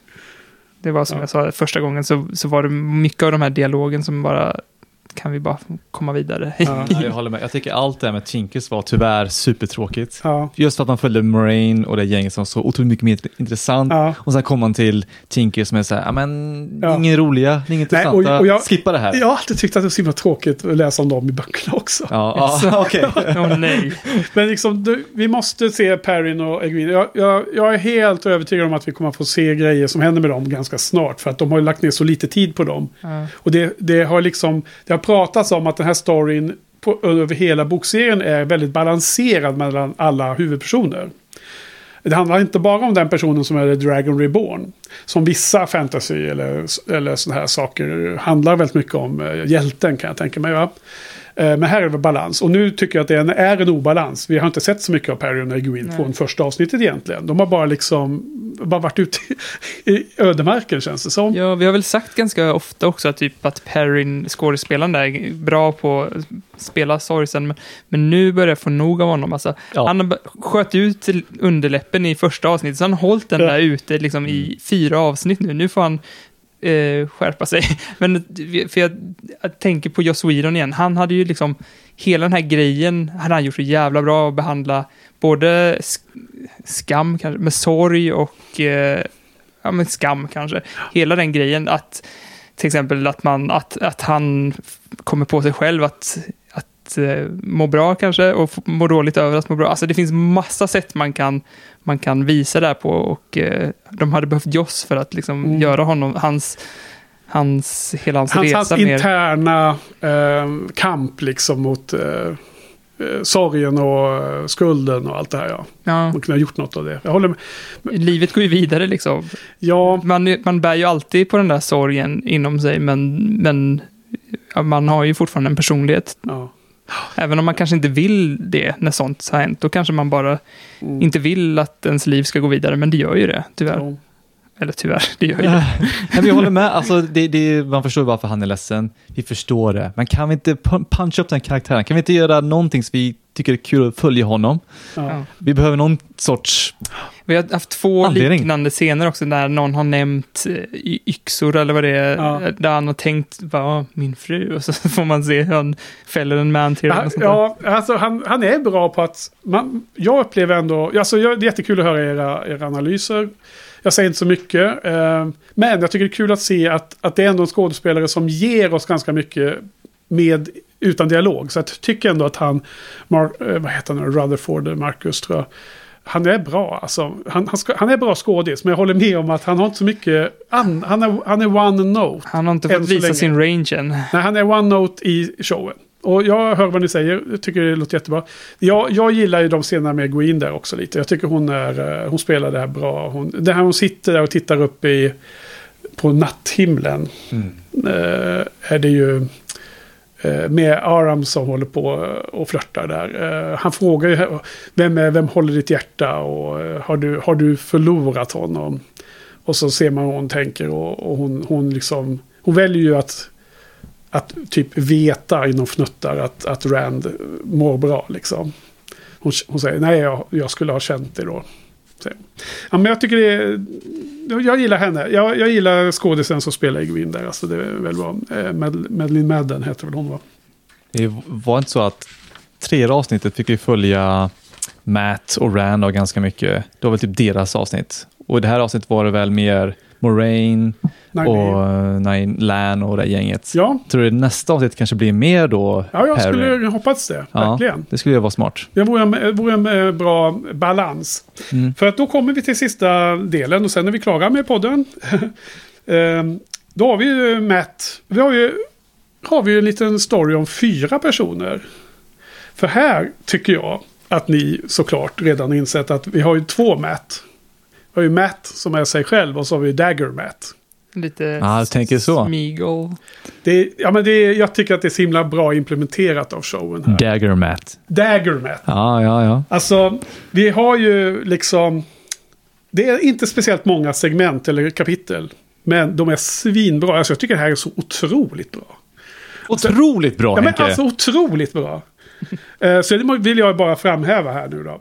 Men först, man, får, man kan nästan gå igenom, för det är, väldigt, det är ju ganska kort där. Alltså först så rider de ju fram och kommer till den här farmen då.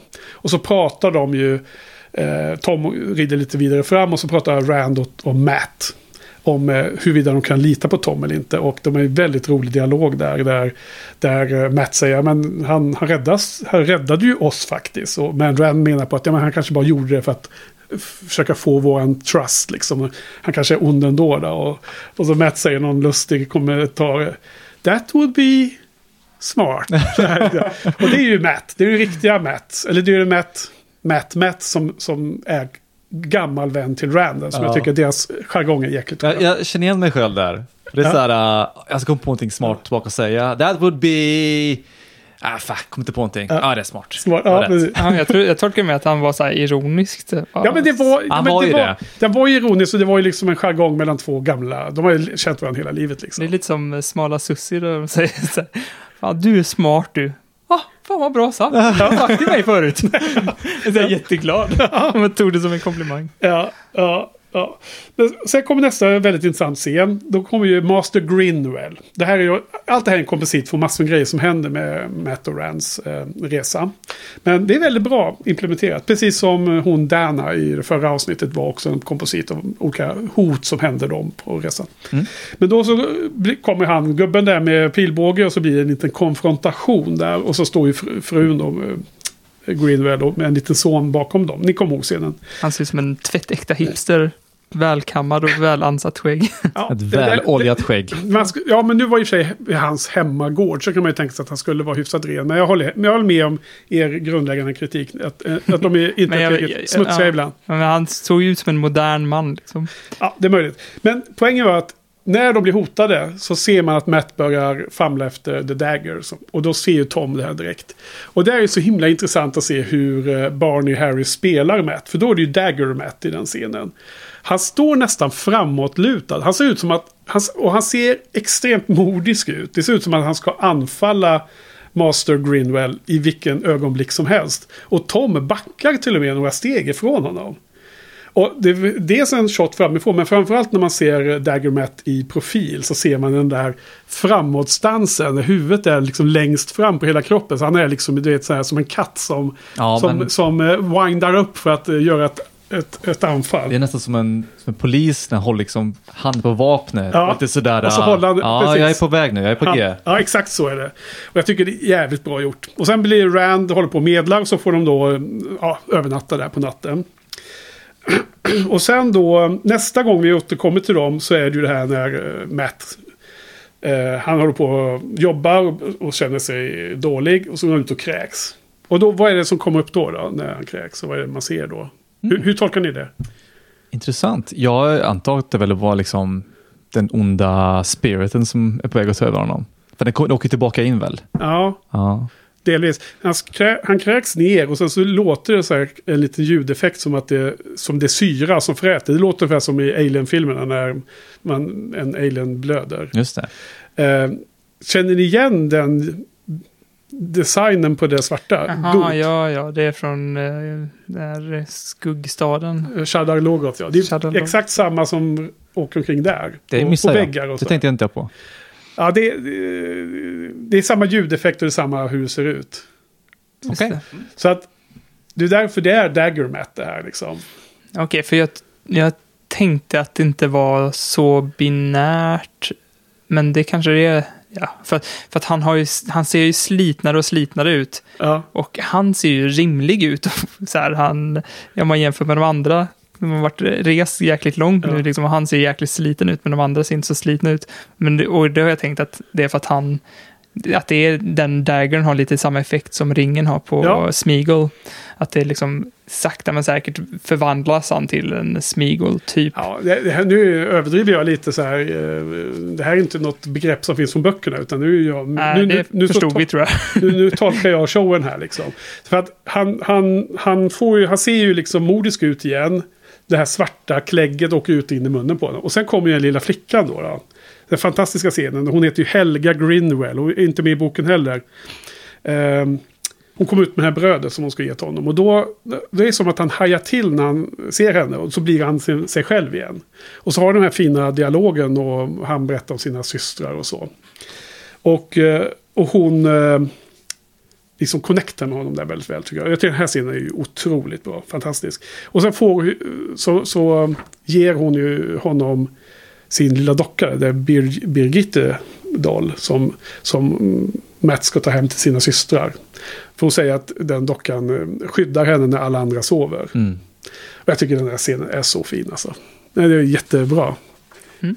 Ehm, med tanke på hur den här scenen slutar sen då. Ja, alltså, man, eh, eh, det, det var inte min favoritscen ifrån eh, Matt och Rand. Det, jag gillar ju mer när Gleeman, vad heter han, Tom, Ja. pratar om, eh, var det hans, Owen. hans brors, lilla brorsa? Eh, ja, det är någon eh, nephew, så det är alltså brorson eller systerson. Just det, just det. Att eh, Gleeman, Tom, han börjar se tecken. Vilket också betyder att han har varit med där innan, att han, in, han är mer än vad han säger. Jag gillar den, eh, den storyn. Ja. Han säger någonting om att Gleeman, det, vi kallar oss det bara för att eh, det verkar inte så farligt liksom. Det är lite så här att, eh, vad säger man, nickname för att blända in bland folk. Ja. Ja, ja men det är en Gleeman. Han Ja. var inte orolig för Vi är honom. en eh, så här eh, underhållare. Visst, det är Liksom. en Gleeman. vi, ja, vi spelar det. låtar och uh, jong, jonglerar. Ja. Ja, Jag tycker också den storyn är ju väldigt fin och eh, det kommer direkt vägg i vägg med den här. Eh, det, är, och det är bland det bästa. Ja, det, är, det här och, och sen då avslutningsscenen här med eh, Matt är ju bäst. Absolut den här sekvensen. Eh, jag trodde ju när jag såg Cold Open i första episoden när man såg Leandrin och några andra Red Ajas Red Sedai eh, kommer ikapp en, en ung man och gör ge- gentling på honom att det skulle vara Owen. Det hade varit en snygg callback. Men det, de använder ju inte det. Man skulle kunna ha klippt in det här på något lämpligt sätt. Så man såg att, att det var det man har fått se redan. Vet ni vad jag trodde? Att när, när de hörde att en armé kom så trodde jag inte att det skulle vara... Eh, ska jag försöka vara diffus tror jag. Mm. Så trodde jag inte att det skulle vara eh, Logains armé. För i trailersarna har man ju sett andra hot. Om Jaha. jag ska vara väldigt, väldigt okej. eh, ospoilig. Som, som, Ja. som måste komma nu i något avsnitt snart, Jaha, misstänker jag. då, då, vet, då vet inte jag riktigt vad du, vad du, Du vad du tänker på just oss, nu. eh, Ja. Men det, Ja, det kanske var för luddigt att Ja. ens ta upp, men, men för det, i trailersarna så är det ett annat hot uppenbarligen som finns där.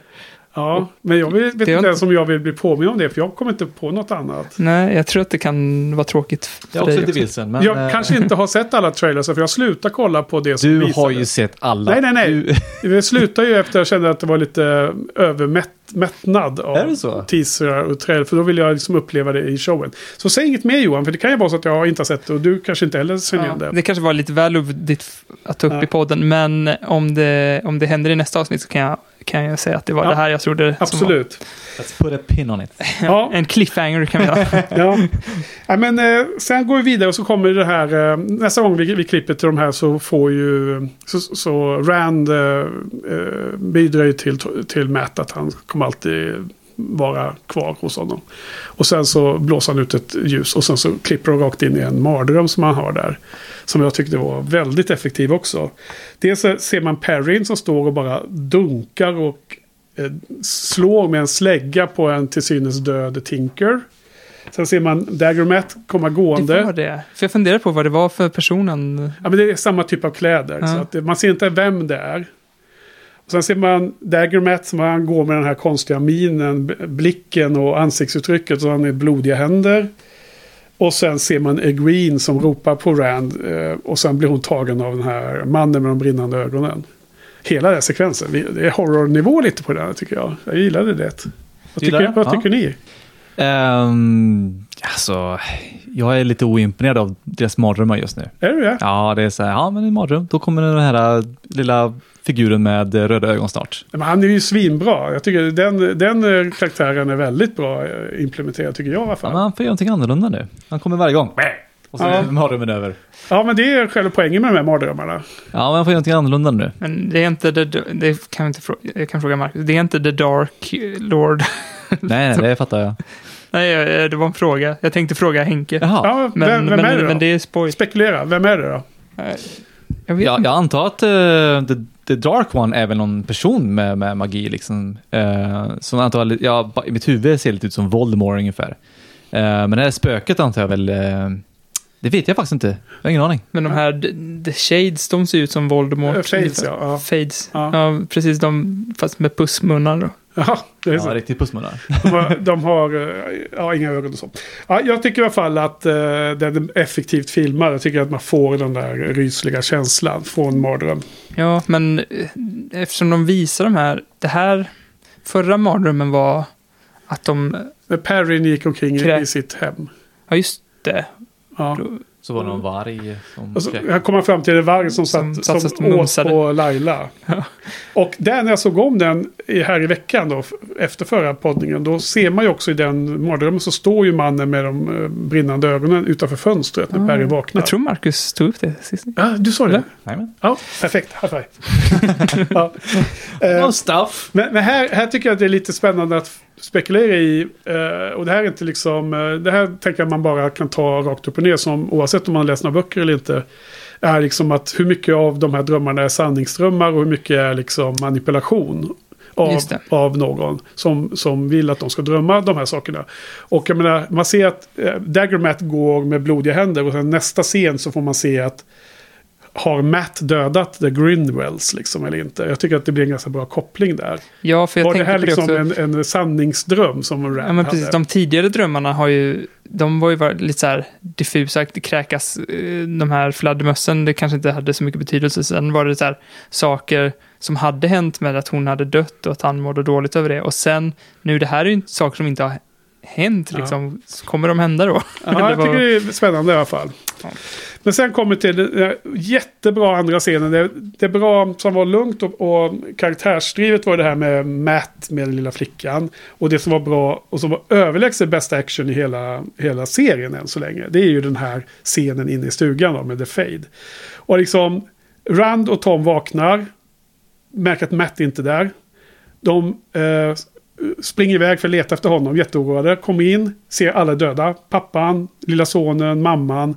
Och så står Matt där i mitten, eller som i dagger matt mode då. Och bara står helt still liksom.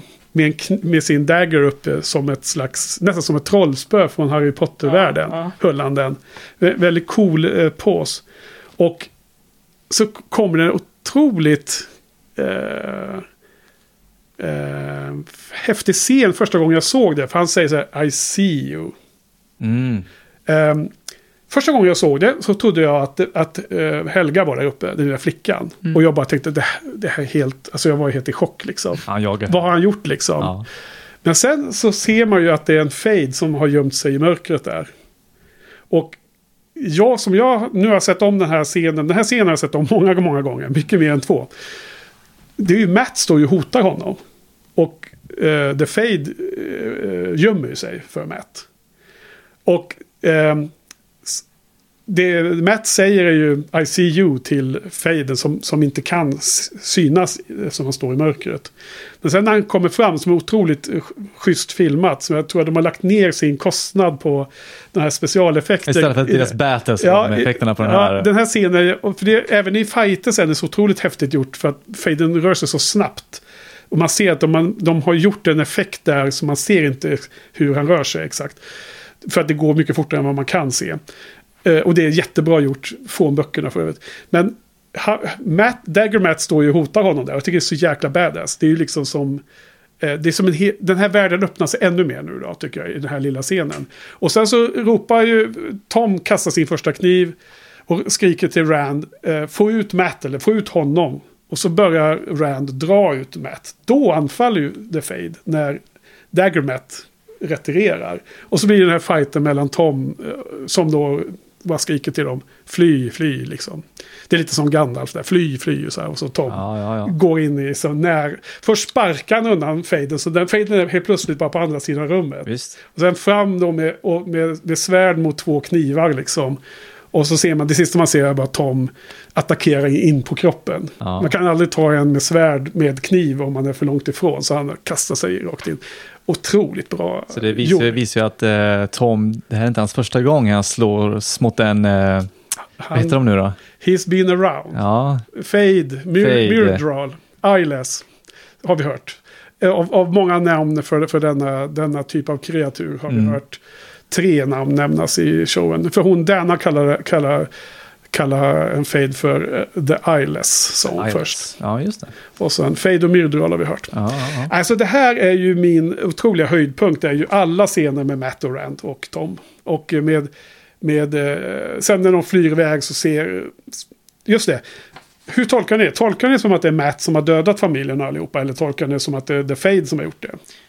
Tolkar det som att man inte ska veta. Det, är lite som den här eh, i slutet av Inception, att man inte, antingen så faller den här eh, lilla snurrgrejen eller så Ja. faller den inte.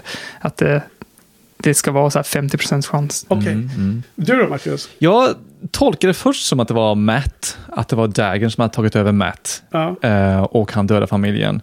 Men nu när du pratar om det, att han, att han pekar på en fade, då, då tolkar jag nu som att det var faden som var först där inne och Ja. han kom in efter och nästan kanske försökte rädda dem, men var lite för sen.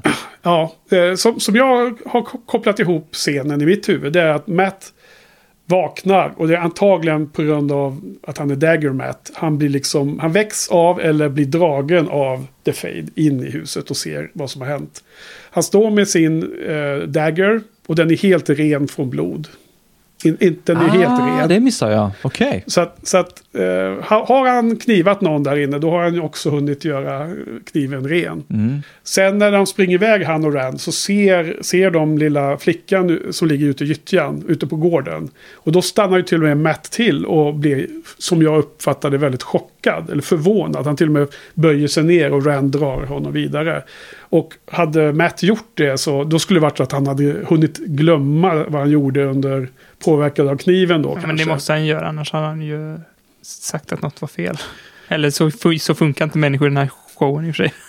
Jag vet inte, men, men det, det, jag gissar att det, det måste väl... Om, om det nu lämnas till otydligt vem som var mördaren. I, min, I mina ögon så är det absolut att det är The Fade som har gjort allt det här. Men om det nu är otydligt så måste de ju återkomma till det. Så får de väl eh, förklara det senare då på något sätt. Men, men eh, jag tycker det finns tillräckligt många mm, liksom, små detaljer som tyder på det. Då. Och sen rider de iväg i alla fall då. Och då ser man ju eh, Birgit, eh, lilla dockan, ligger kvar där. Så ja, han tappar den Mm. också. Ja, bra Så så. det var det. Mm. Ja, men eh, om vi ska börja wrap it up då. Det, vi har pratat länge om de här scenerna i detalj. Men det, Ja. jag tycker det var väldigt mycket, som jag skrev på Messenger till er båda, väldigt mycket att unpack. Alltså väldigt många detaljer i den här Det är avsnittet. intressant. Ja, för när jag, när jag såg klart på den, då hade jag skrivit mina kommentarer. Så jag tänkte att ah, det kommer ta en timme här.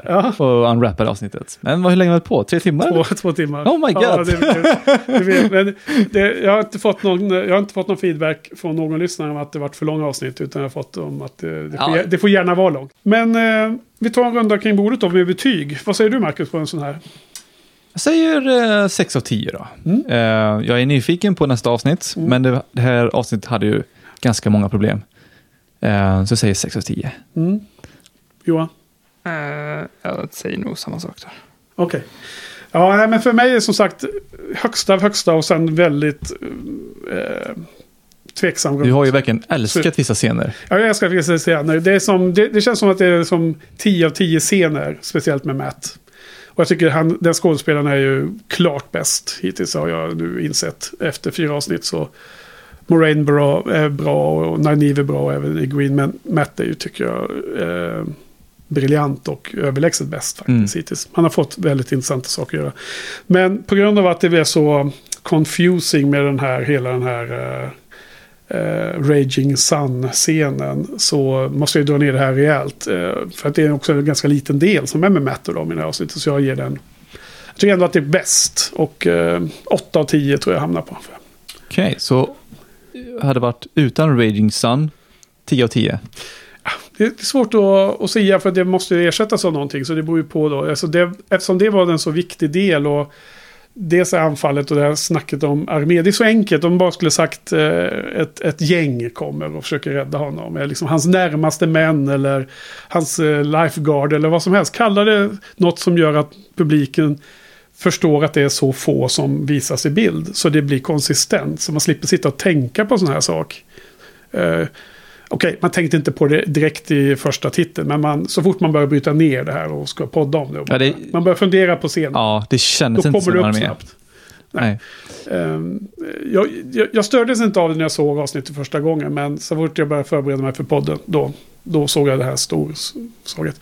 Så det är svårt att säga hur eh, slutet skulle sett ut. För det skulle bli topp 10. Men jag menar, det är lite som att i den här avsnittet finns det. Det finns vissa scener i Game of Thrones som jag tycker enskilda scener som är 10 av 10. Finns med Daenerys och Dra- Dracarys-scenen. En av de tidigare säsongerna är ju en 10 av 10 scen för mig. Och sen finns det de här dåliga avsnitten i, i säsong 8 när de går för chockverkan. Men helt ologiskt. Mm. Och jag tycker att det här avsnittet då innehåller båda elementen. Där Matt-scenerna är liksom 10 av 10 för mig. Och, men den här hanteringen av, av The Raging Sun och Nine Eves eh, Discovery. Hennes, the reveal av att hon kan, eh, vad hon nu kan, är, är liksom inte så Mm. perfekt. Men jag tycker ändå att det här var det bästa hittills. Och jag är ju supersugen på att se vad som händer i nästa avsnitt. Och vi hoppas att de, de hoppas att Rand frågar Matt om var det han som gjorde morden eller inte. Så kanske vi får svar på det. Men vad jättekul. Nästa gång är det du som ska inleda med uh, overall uh, känslan. Vi går ju runt här. Är du nervös Johan? Femte avsnittet. Så får jag sjätte. Så får du sjunde. Jajamän. Och Johan åttonde. får du inleda sista. Finalen. Så är det. Okej, och förra sista avsnittet, eh, nummer tre, så glömde vi ju säga att det här avsnittet, nummer fyra, skulle bli en eller två dagar sent. Beroende på att vi var bortresta på helgen. Så säger vi det nu istället. Eh, Så att, så att eh, jag har ju eh, skrivit en blänkare på en Facebookgrupp i alla fall. Där eh, Wheel of, Swines, Wheel of Time eh, Sverige. Så att de som har upptäckt podden via den har fått reda på det i alla fall. Så att eh, då ber vi om ursäkt för det om folk har eh, väntat i, för länge. Och nästa helg tror jag att vi har en vanlig schedule. Så då kommer eh, avsnittet ut förhoppningsvis på söndagen. är väl målet i alla fall. Det tror jag. Ja. Det ska vara ganska lugnt. Ja, annars så kommer det när det kommer. Ja. Helt enkelt. Men eh, då har vi varit, eh, har vi hunnit med mycket idag. Men då får vi säga tack för idag. Tack Marcus. Tack själva. Tack Johan. Tack, tack. Tack för oss. Tack Henke. Tack till publiken. Hej hej. Hej då. All right? I need a break.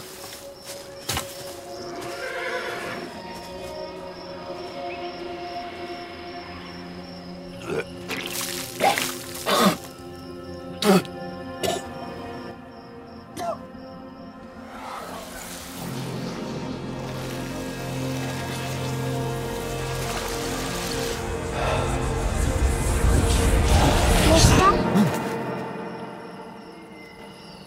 sorry. Mama sent me. Said to thank you and give you this for all your hard work.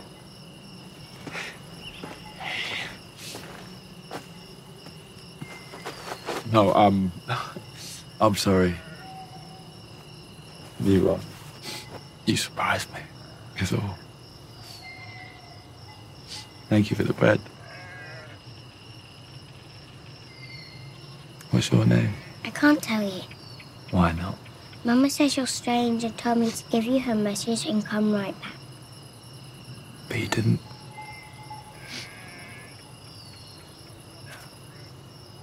My sisters never listen either. safe at home. With your mama and papa?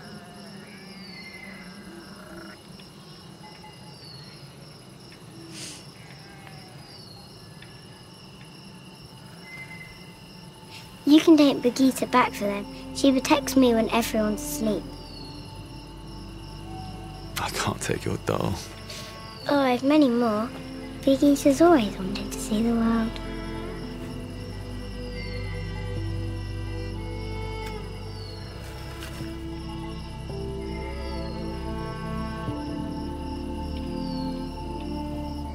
Maybe he caught something in Breen Spring. I knew another lad the same way. Owen. My nephew. Boy spent half his life getting into trouble, the other half getting out of it. And a good part of mine helping him at both. Then one day he went south, snapping at family and friends, jumping at shadows. Animals had their hair up whenever he passed. Nobody could figure out what happened. Until he threw a rock without using his hands. Matt's got all the signs, lad. Matt will tell me. He's not an idiot. Neither was Owen. I'm a Gleeman. Don't you think I told him the story since he was a little boy? How at the end of the last age, the Dark One corrupted the One Power. So men couldn't use it without going mad. And still he lied to me.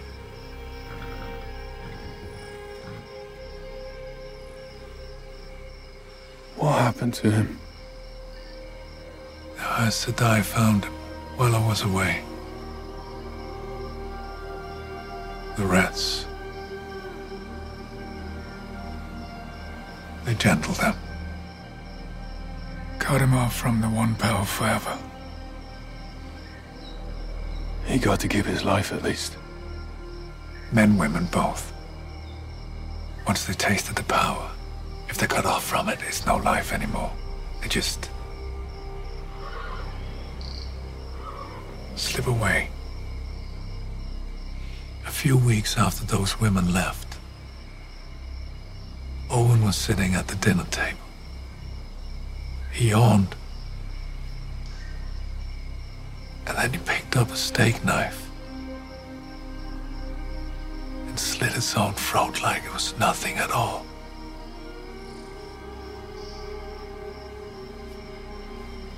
I'm gonna stay with you as long as I can. Keep you safe. But whatever we do, we have to keep Matt away from those women.